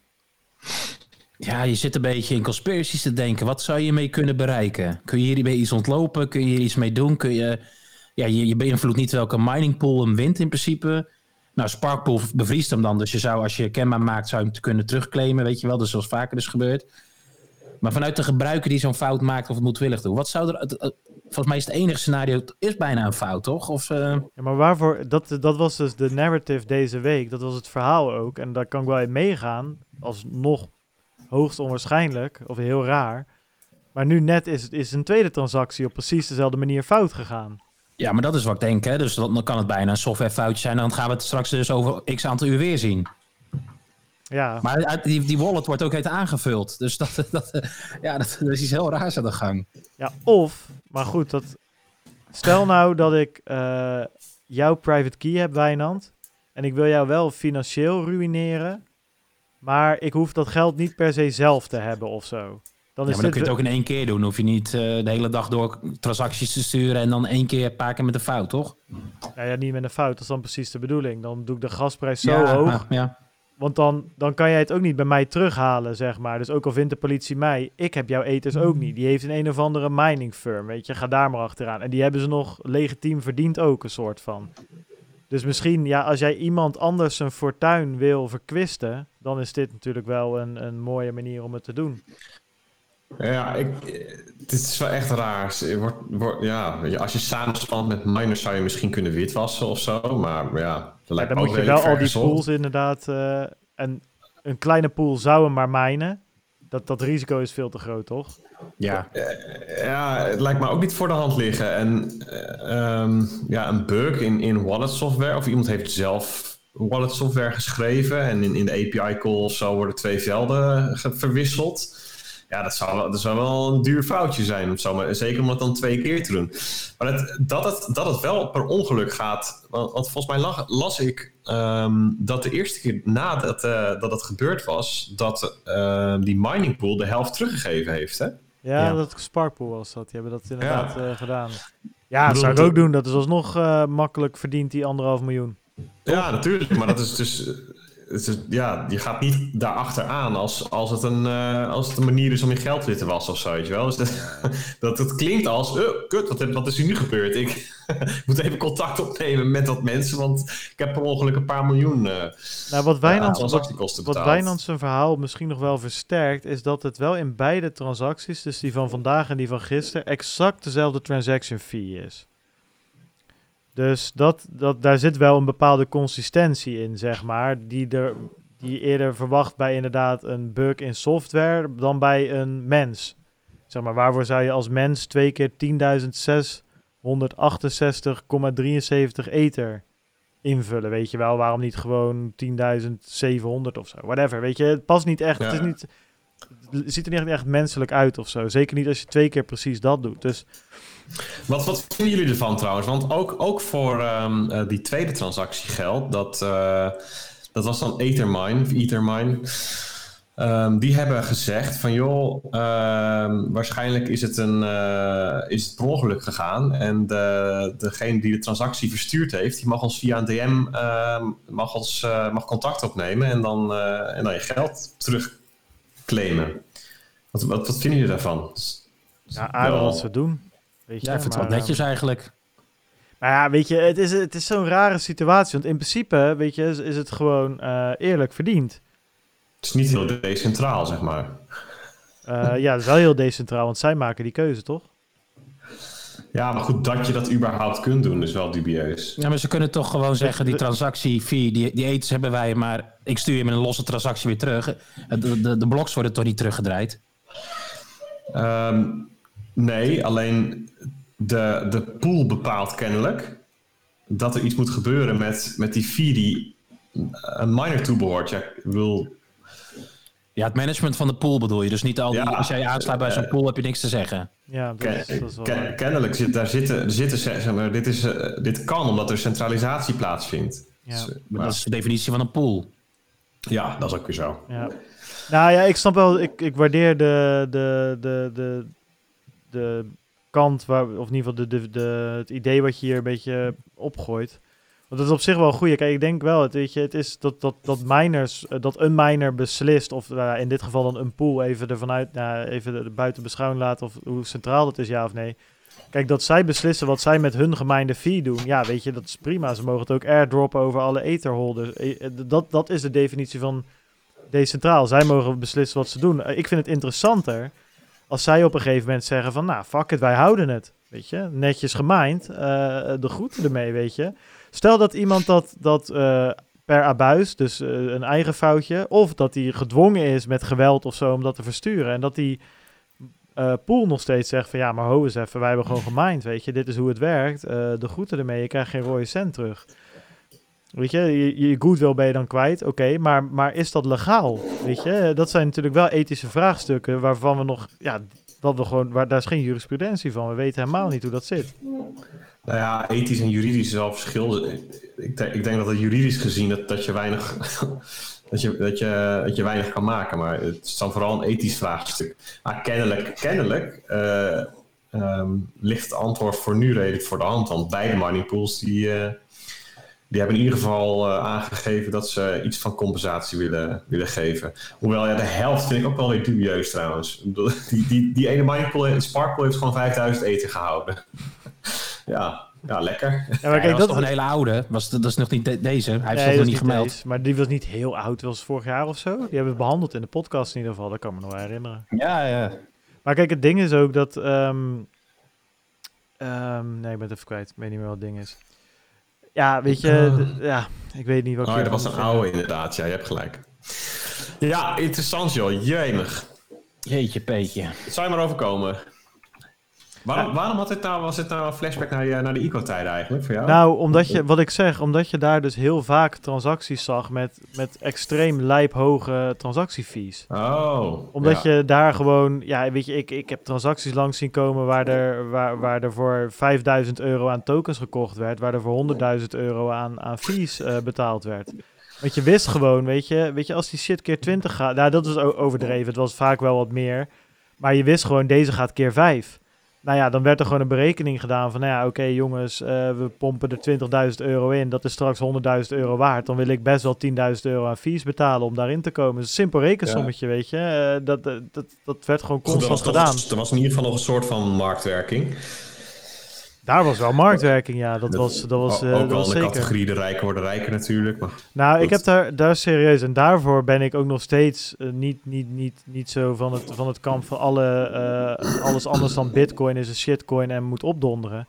Ik heb daar wel, daar wel de kracht van een smart contract bijvoorbeeld gezien, weet je. Daar was één gozer, die had een smart contract gebouwd. Waarmee je dus met z'n allen kon je daar geld naartoe sturen, eters naartoe sturen. Waardoor je dus met z'n allen geautomatiseerd ook een whale werd. En dat, was, was, he- dat contract kon gewoon geaudit worden. En hij had hele toffe dingen erin zitten. Eh, er zat een fee in voor hem van 1%. Eh, optioneel, die kon je er zelf uithalen in je eigen transactie. Dan kon je een, een message meesturen en dan werd die fee niet ingehouden. Dat was heel vet gedaan.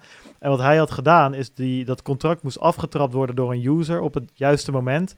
En dan kreeg je volgens mij 0,1% van, eh, van de contractwaarde. Dus er zaten altijd 100 man gewoon te rammen op die knop. Omdat je dan alsnog 1000 euro kon verdienen. Ja, Dus hij ging direct werd hij eruit gestuurd. En omdat je met z'n allen zo'n fee kon betalen, kon je er ook gewoon inkomen. En ja, daar kon je gewoon leuk voor, voor 500 euro gewoon met zijn ICO meedoen.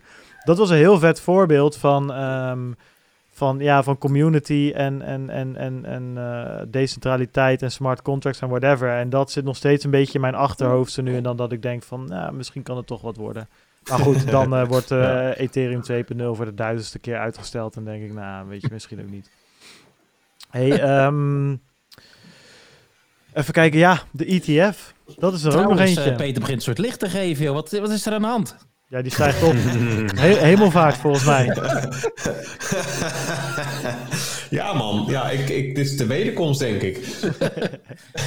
nee, het, het zonnetje begint lekker te schijnen. Heerlijk. Ja, maar mijn eh, camera die, eh, die heeft er moeite mee. Ah, het heeft ook wel weer wat. Ja, het is wel mooi. Een beetje achtergrond. grond, Precies. dat voegt diepte toe aan het shot, hè, zeggen we altijd. Nou, nou ja, zo is het maar net. Zo Hey, is i- het. Een, een, een ETP is het, hè? Geen ET ja, wa- wat eh, jij wou iets eh, zeggen over een nieuw exchange product? Ja, het is wel toch een ETF? Exchange Trade... trade Oké. Ja, misschien is het geen ETF. Ik weet het niet. In ieder geval... ja... Nou ja, ze zeggen, ze zeggen hier op Coindesk... It is really a hybrid ETP product that has the same features as an ETF. Because it's a single... Ja, oké, nee, maar ik snap wel wat het is. Kijk, met de ETF's is het volgens mij zo dat is iets van een, een fund... of dat moet meerdere dingen zijn... Ehm, dat, is, dat is wat hier zeggen. Because it's a single asset instrument, it doesn't qualify to be an ETF according to the E- European Fund Regime of zo. Dus het is gewoon een ETF, fuck it, weet je. Ik ga het niet moeilijker maken dan het is. Nee, het- dit- ETP is ook een paraplubegrip hoor. Dus een ETF is ook een, een, een ETP, zeg maar. Dus, dus Zo zie je maar weer. ken- kennelijk is het een nieuwe categorie producten die heel veel lijkt op ETF's. Dus, dus eh, eigenlijk zeggen we hiermee, we hebben de eerste Bitcoin ETF te pakken. Of, Ja, dat is wat we zeggen. En daarvoor liepen er ook weer mensen te stuiteren van de week. Want dit is natuurlijk toch al na de Wall Street bonuses en Chinese New Year... is dit toch wel al twee jaar eh, eh, een beetje de hopium die we elke week eh, de armpjes inspuiten eh, als bitcoin ja, holders. ja. En, en omdat het nu in Duitsland is en niet in de VS, wordt het minder breed uitgemeten of zo. Is dat het... Ja, weet ik eigenlijk niet. Kijk, want het is best wel grappig. Ik, ik, ja, ik ben er niet helemaal in thuis, dus ik heb eens een beetje zitten, ehm, zitten lezen. En ehm, nou, dit, dit is dus een, een product dat door de ETC-groep, dat is een een of ander financieel whatever uit Londen, die willen dat ehm, eh, later deze maand eh, op de Duitse beurs ehm, ehm, ja, gelist krijgen. En ik zat een beetje te kijken. Ze zeggen de Duitse Xetra-beurs. En ik zat te kijken, wat is dat nou? Maar dat is in principe gewoon de, de Frankfurt Stock Exchange. Dat is gewoon de aandelenbeurs van Frankfurt. En dat is geen kleine. Dat is volgens mij de tiende grootste van de wereld of zo, weet je. Dus dat... Het is wel een echt product aan een echte beurs, weet je. We lezen toch ook elke week weer dat er een een of andere Duitse bank... een een of ander bitcoin spaarrekeningetje aanbiedt. En dat blijkt dan een of andere ja, eh, kruidenier ergens in Westfalen te zijn die dan eh, een Bitcoin ATM heeft geplaatst of zo, whatever, zoiets doms. Maar dit is wel, weet je, ik, ik heb een beetje naar gekeken. Dit is wel ja, een serieuze beurs. Weet je, het is, eh, het is een echt product op een serieuze beurs. Op de, op, als jij de, de, de, de Giro-app hebt of eh, een of ander beleggingsrekeningetje, dan kan je dit kopen vi- via dat ding. Weet je, dat, nou ja, het it's something, weet je. Ik denk niet dat het de wereld eh, gaat, eh, gaat veranderen, maar het is wel een, echt, een echte ETF. Nee, ik, ik, ik, ik, ik, ik had nu wel een eh, halleluja-deuntje verwacht vanaf, eh, vanaf je soundboard. Ja, ik had hem verwacht vanaf Bert, maar eh, die is afgemat door Herbert. Dat heb ik al wel gezien. Ja, joh. Ja, die zit daar, die zit gewoon met zijn armpje achter zijn, achter zijn, Ja. zijn nek. Ja, dit, dit schenkt zo meteen nog een glaasje whisky in, denk ik. Ja, een sigaretje hoor. erbij. Dat moet ik echt niet doen. Jij, jij loopt hier niet warm voor is Bert? Met die, met, die, met die ETS en die ETS, weet je, ik geloof het wel of zo. Weet je, we hebben het al honderd keer meegemaakt en eerst en dan worden ze toch weer ingetrokken en dan blijkt het toch weer, weer wat anders te zijn dan, dan iedereen dacht. En eh, ik, eh, het is ook niet voor niks dat, die, dat dit, dit doet helemaal niks met de koers of zo. Ja, weet je, wie schrijft hierover? Ja, Joost van Kuppenveld van het FD schrijft weer een of ander die was wel. Fantastisch, jongen. Holy shit, hé. Ik, dat vond ik... Weet je, ik kan er wel om lachen, om de, omdat het zo sarcastisch was of zo. Maar het was gewoon een serieus... Het was geen column of zo. Het was gewoon een... ik jou er nou onder reageren op Twitter? Ja, dat was ik, ja. ja. Ik gebruik mijn Twitter-account niet vaak, maar als ik hem gebruik, dan, dan is het raar. Ja, en terecht. Ga, Dus, ga je het nog citeren of eh, kunnen we door? Nee, ik, ik, ik, heb, ik heb hem niet voor me, joh. Dus ik, ik had eigenlijk gehoopt dat, je, dat jij hem zo op zou ratelen. Maar... Ja, volgens mij... Ja, ik had iets over een dik vet varken gezegd. En daar refereerde ik niet aan hem. Maar wel... ehm, eh, kijk, Kijk, het, bo- body shaming wat je aan het doen bent? nee, nee, nee, nee, absoluut niet. Kijk, het ging erom dat hij het sarcasme, ik, zei, ik had iets gezegd van het sarcasme druipt van dit artikel als het vet van een dik vet varken aan het spit of zo. Iets in die richting. ehm. maar goed, dat was wel wat het was. Hij, weet je, het was gewoon, ja, I don't know, weet je. Het was gewoon een nieuwsartikel. En dan denk ik van, nou, dan mag het wel een toontje minder, weet je. En niet dat ik me daar voor de rest heel erg aan erger, maar ik vond het, ja, denk, ja, jezus, weet je. Dit is, dit is toch niet serieus te nemen als journalist zijnde, zeg maar. Weet je, als je een krant schrijft. Klopt. Klopt. dat, is, dat was meer mijn punt. Weet je, voor mij mag hij de meest gruwelijke shit over bitcoin schrijven en dat boeit me niet. Maar de toon waarop je dit schrijft is gewoon vreemd, weet je. Als je geen... Doe dat in een column dan. Precies, weet je. Als je een column schrijft mag je van alles doen, maar... Anyway, dus ehm daar had hij wat over Nee, geschreven. goed, laten we, uh, laten we geen slecht nieuws. Het is gewoon eh, weer zo'n eh, puzzelstukje. je gaat Eh, even als een uh, als uh, robot. eh. ja. Eh, Ja, ja, ging niet goed? doe dat even opnieuw. Oh. ja, het zou kunnen dat mijn laptop er zo meteen weer ophaalt. maar- Ja, jij zit echt even in de hoek zei waar de is- ik vallen. Het is gewoon goed nieuws. Het is weer zo'n puzzelstukje dat, dat, dat hoort, dat, dat, weet je, in het hele veld van alles wat, wat bij elkaar moet komen in, in, het, in die wereld van en om Bitcoin heen. Ja, dan is dit wel weer een puzzelstuk. Eh, Een paar jaar geleden had je misschien van gezegd, Nou. zo, dat zou heel vet zijn. Inmiddels is het... Wat? Nou, ik, ik zat even voor de luisteraar die het misschien gemist heeft. Het is eh, volgens Peter het laatste puzzelstukje. Of een van de puzzelstukjes. En eh, een paar jaar geleden eh, hadden we dat misschien nog niet helemaal verwacht. Maar nu, ehm, ja, nu, eh, nu wel. Nu Ehm, valt het op zijn plek. nu valt die puzzel op zijn plek. Ja, er, er is denk ik een, eh, is een vrij fundamentele tweedeling onder de bitcoiners. Eén deel die vindt het gewoon pertinent kut dat er ehm, eh, allerlei grote financiële partijen zich mee bemoeien. Die moeten gewoon opzouten. Mensen moeten gewoon hun eigen bitcoins hebben. Not your keys, not your coins. Wegwezen ermee. En er is een club die vindt het een hartstikke goed idee dat er financialization plaatsvindt. Dus dat er financiële producten en diensten rondom Bitcoin gebouwd worden om het toegankelijker te maken. Of, ehm, eh, dus het kan zijn dat, dat alleen maar custody wordt gedaan of alleen maar.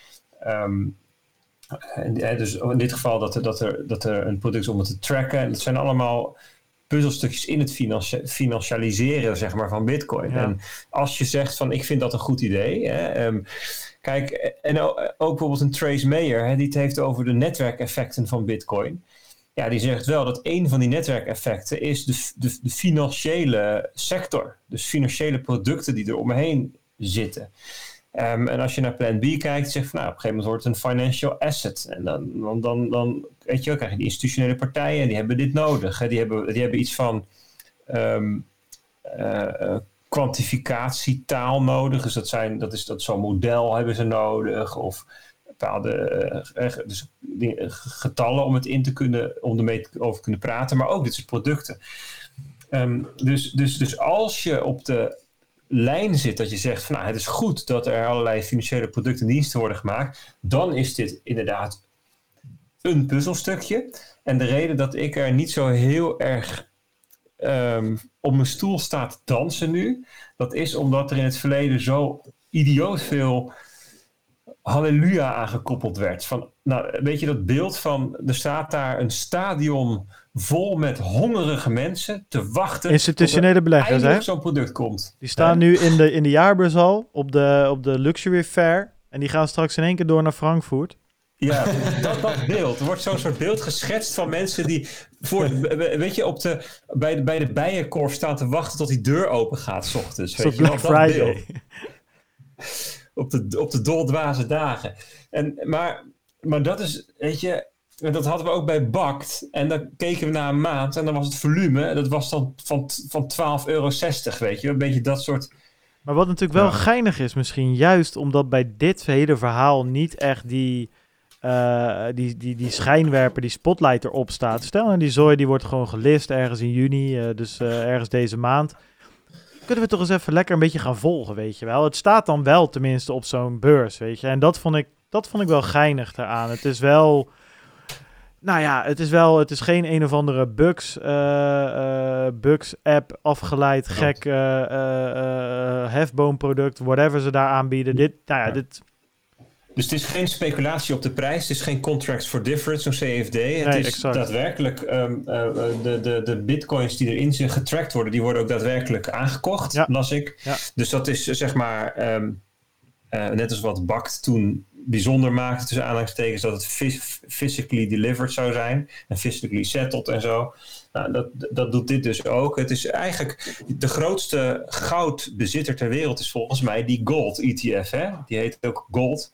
En de, als, je daar, als je dat koopt op je De Giro-accountje, dan wordt er dus daadwerkelijk, nou dat wordt eens in de zoveel tijd gebalanceerd, maar dan wordt er dus daadwerkelijk goud aangekocht. En dat zal dit dus ook doen. Ja. Je koopt bitcoins, je koopt een bitcoin ETF en uiteindelijk zal dat dus ook worden aangehouden. Dus dat is, ja, dus, dus, dus ehm, ik denk dat vaak een te grote ehm, consequentie aan verbonden wordt. Dat is de ene kant. De andere kant is ook, het, het lijkt wel goed in elkaar te zitten. Dus ik ben er ook niet op tegen. ik bedoel, als dit... Kunnen, we Nou deze, kunnen we deze klassificeren als geinig?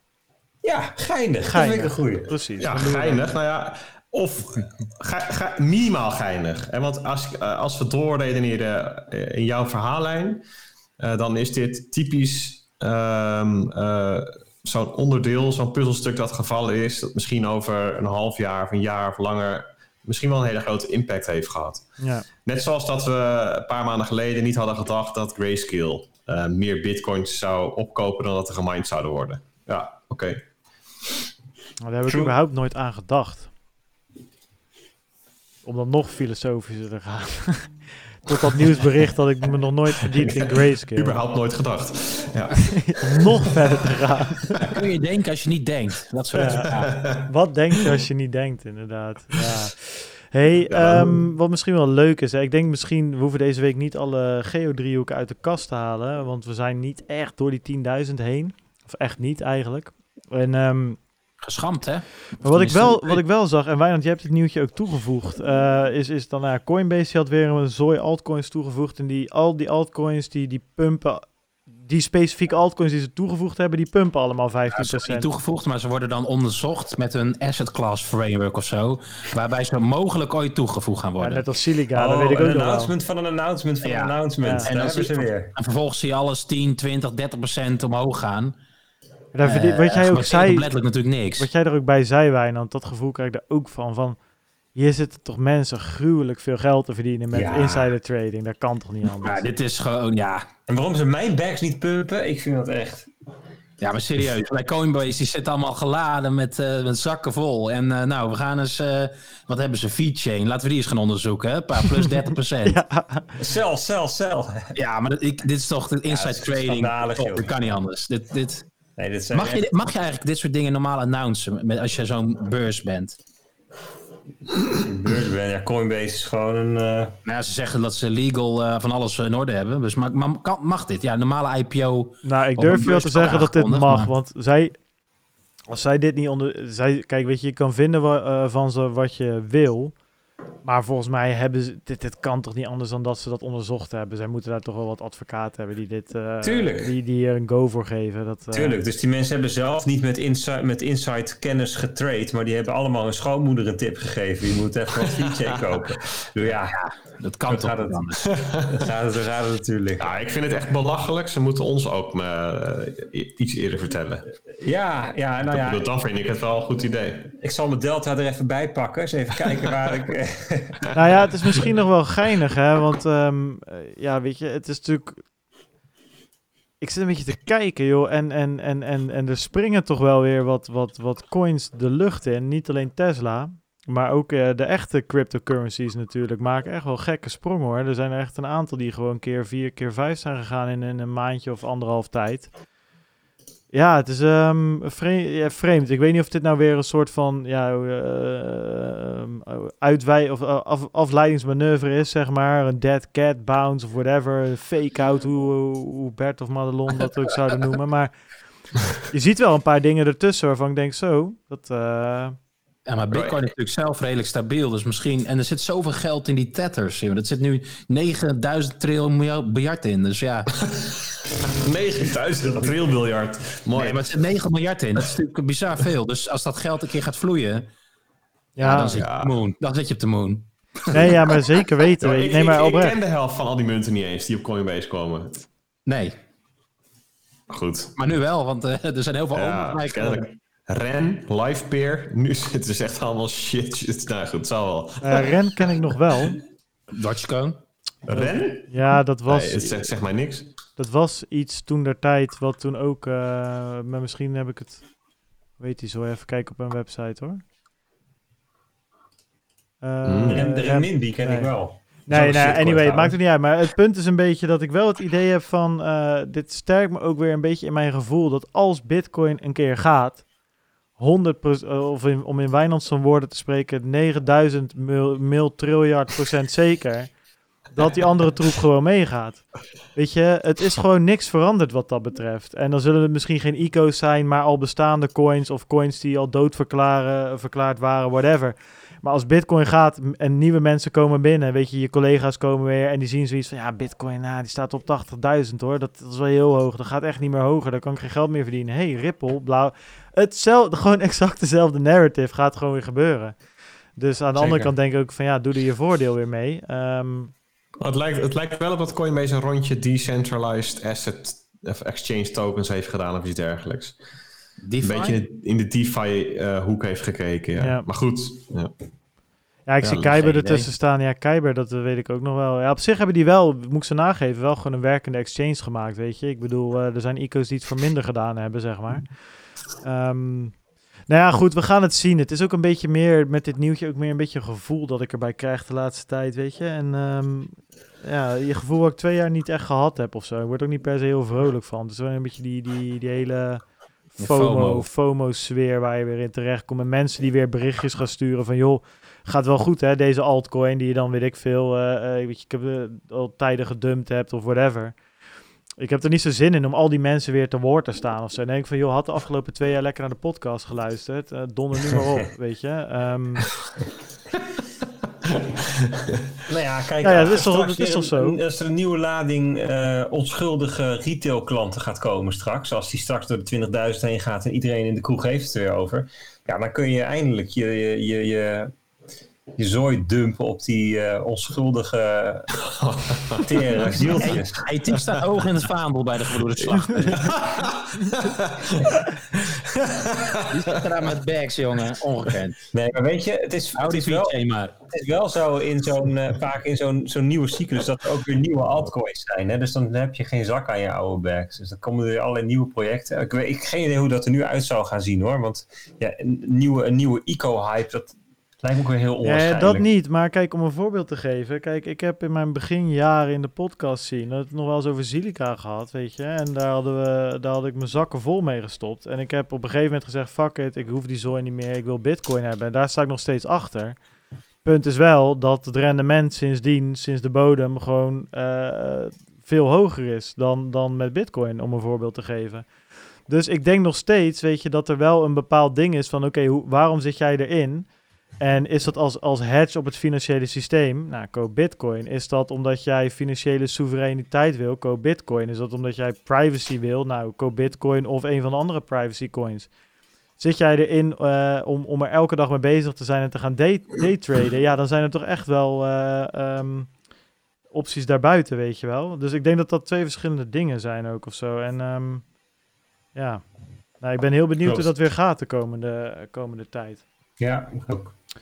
Dus goed, we gaan het zien. Maar goed, eh, voordat alles, eh, om, dat, om dat te laten gebeuren, moet Bitcoin eh, wel op een gegeven moment zelf gaan. Maar goed, daar geloven we z'n allen in. Want we hebben een rode stip gezien op een Ja, als kaart. op, een- op Dus, een gegeven moment seizoen 3 geen uitzending is op donderdag, dan zijn al die bags gevuld met, met goede alts, hoor ik al.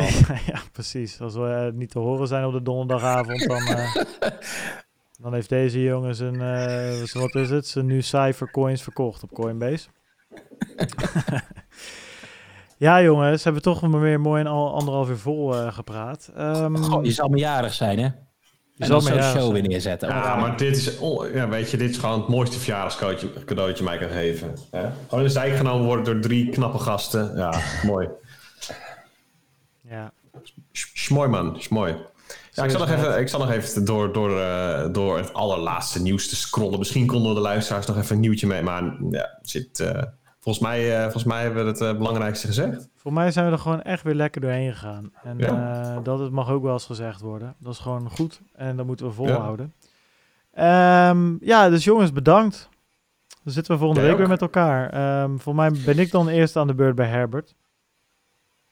Ja, Ja, ja ik, ik verwacht wel echt even een goede boekie-uitvoering hoor. Ja, ik zit te denken, het zou natuurlijk wel de meme van de eeuw zijn als ik daar een duet met Herbert kan zingen. Ja. ja. Kun je niet je eigen variant maken en die daar... Ja, maar ja, Wijnand is een beetje hetzelfde als je mij vraagt van... joh, eh, sleutel even aan, aan een van de symfonieën van Beethoven. Ja, dat doe je ook niet. Ik zeg niet dat het beter wordt, ik zeg niet, maar ja... Ja, oké, qua Of ga er meme, in een eh, wit pak heen, doe iets. Een bril op. Ja, ja, je kan hem natuurlijk ook gewoon inzetten op een onbewaakt moment, hè? Geld is gemaakt van zilver en wel goud. Als die begint, als die begint in te kakken, dan moet je toeslaan. Prachtig mooi waardepapier dat zijn waarde houdt. Het is de Bitcoin boogie. Nou, dat, dat, dat kan toch wel. Ik vind hem a cappella nog beter, denk ik. Mwah. Dus goed. Nou jongens, bedankt weer. Eh, even kijken, waar is mijn muis? Ik moet even wat aanklikken. Ja, bedankt. En ehm, eh, ik zie jullie volgende week weer. Vind je deze podcast leuk? Join onze Telegram groep. Volg ons op Twitter. Links kan je vinden op www.stootsradio.nl. Ga ook op YouTube kijken. Dan kan je al dit, ge- deze gekkigheid zien. Dan kan je Peter zijn, zijn reunie met zijn lang, lang, eh, lang vermiste kind eh, zien. Live. Gebeurt gewoon allemaal. Dus ga... Op, eh, rond, mooi, vier- rond, Kleintje 34, eh, rond 34 minuten was het, eh, de timestamp.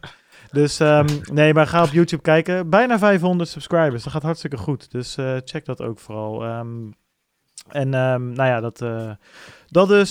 Check ook even www.lekkercryptisch.nl en de Twitter-accounts van onze vrienden Slachter. Daar is ook van alles op te vinden. Dat was nog wel benieuwd naar. Bert, wat, wat ga jij nu doen? Zeg maar ja, die, die corona-wave, die, die, ja, jij moet hopen dan op een tweede wave misschien. Ja, Ehm, of- of de crisis. of waar ga je nu op richten? Wat is het volgende complexe topic waar jij je, je, je tanden in gaat zetten? Peter zet zijn tanden in een chipje. Ja, dat mag. Nou, eh, de, de, eh, ja. Waar ik nu wel, maar dat is toch nog wel een beetje wel corona. Dat gaat eigenlijk over de dashboard. Dat vind ik nog wel interessant. Wat daar, kijk, op, nu lijkt het allemaal heel goed te gaan hè, met die epidemie in Nederland. Ze zijn nu vooral aan het onderhandelen met elkaar wie er als eerste weer open mag. Ehm, en waar we heen op vakantie kunnen, dat soort dingen. Maar het is wel reëel dat we in oktober of iets toch nog wel weer te maken krijgen met een nieuw coronaseizoen.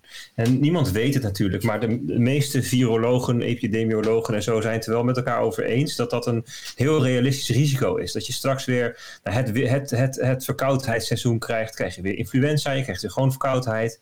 En je krijgt dan wellicht ook weer corona. Dus dat betekent twee dingen. Dat betekent dat je dus ook weer heel veel andere eh, ziektebeelden krijgt die er heel erg op lijken. En die je dan dus moet gaan onderscheiden. Dit is wel corona, dat niet. Ehm, eh, en kijk, nu eh, op dit moment zou je kunnen zeggen: iedereen die echt onwijs zit te hoesten, maakt ook grote kans dat het corona is. Want alle, al die andere shit is intussen al weg.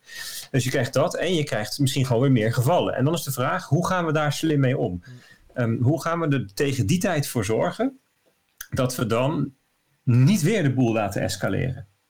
Als dat gebeurt. En dat is iets wat we nu moeten voorbereiden in deze tijd dat het allemaal redelijk makkelijk gaat. En, ehm, en, en iets anders wat wij zien, en eh, daar ben ik met Peter ook samen mee wat, wat voor het schrijven weer van hoe, hoe zorgen we er ook voor dat er draagvlak blijft bij de bevolking? Want mensen zijn er allemaal een beetje klaar mee. Weet je, Ehm, anderhalve meter, dat, dat wordt intussen aan ieder zijn laars gelapt. En er zijn hele ehm, eh, zichtbare mensen die gewoon ook allemaal zeggen dat het echt onzin is. Terwijl, ja, dus, dus hoe zorg je voor draagvlak en hoe zorg je voor betrokkenheid van de mensen erbij dat je straks, als het komt, dat je de boel gewoon goed ehm fixt in plaats van dat, dat het weer escaleert. En Ja. nou ja, zo'n dashboard kan daar een rol bij spelen als je dat op een hele slimme manier doet. Dus daar ben ik in geïnteresseerd. Je kunt bijvoorbeeld zorgen voor betere data. Ik vind zelf de, de rioolwatersurveillance heel erg interessant. Wat je, wat je daarmee doet is dat je via de rioolwater, dus wat er uit place komt van de mensen, uit de, de, de plas en de poep, daar kun je er eerder uit opmaken dat ergens corona uitbreekt, dan dat je dat ziet in de test. Waanzinnig. En dat kun je allemaal gewoon eh, systematisch doen. Dus dat soort dingen worden nu allemaal uitgevonden. Ehm, dus dat vind ik nog wel geinig. Dus daar ben ik nu al wat bij, bij dat stukje betrokken. Ik denk als je dat meetinstrument eh, bij mij ergens in de buurt in het riool steekt, dat, dat er niks van overblijft. Dat eh, is dan in één, keer, in één keer verdwenen. Nee, ja, top Bert. Ik, eh, ik, ga het, Allerlei ik, ik, eh, ik, ga het volgen. Maar ik hoop ook dat je op een gegeven moment een ander complex onderwerp pakt ernaast, zeg maar. Weet je, je Ja. brand uitbouwen. Maar daar gaan we het volgende keer dan eh, over En hebben. nog, nog één dingetje, nog één dingetje. Want ik hoorde jou eh, een paar keer eh, zeggen dat je het gevoel van de ico's terugkreeg en zo. En een beetje sentimenteel twee jaar geleden dit en dat. Dus ik, ik keek even door de lijst van de biggest gainers op CoinMarketCap. Op, op nummertje drie staat Wow Nero. ja, dat is ja, echt, als je daar als je naar wownero.org gaat, dus de, de website, ja, dan, dan herleef je gewoon toch wel de tijden. Weet je, en ik denk dat dat wel even een mooie afsluiter is voor de luisteraars. Ik zie kan er niks meer over zeggen, daar moet je gewoon even naartoe. Ik zie helemaal dat ding niet staan. Ik ga ook even Ja, live die eh, is kijken. W-O-W-N-E-R-O.org. Zet je bitcoins maar om, Bart. Die ga Ja. je in. Dit, dit is hem. Ja, Een dit vind ik mooi. getekende kat door een kind van drie. Ja, ja, ja, ja mooi. Nee, deze is wel geinig. Ga inderdaad kijken. Ik heb net 100.000 gekocht. Hey, ehm, ja, jongens, dat was hem. Bedankt eh, voor het luisteren. En eh, nou ja, wij eh, zien jullie en horen jullie en eh, spreken jullie graag volgende week weer. Adios. Yo, doei. doei.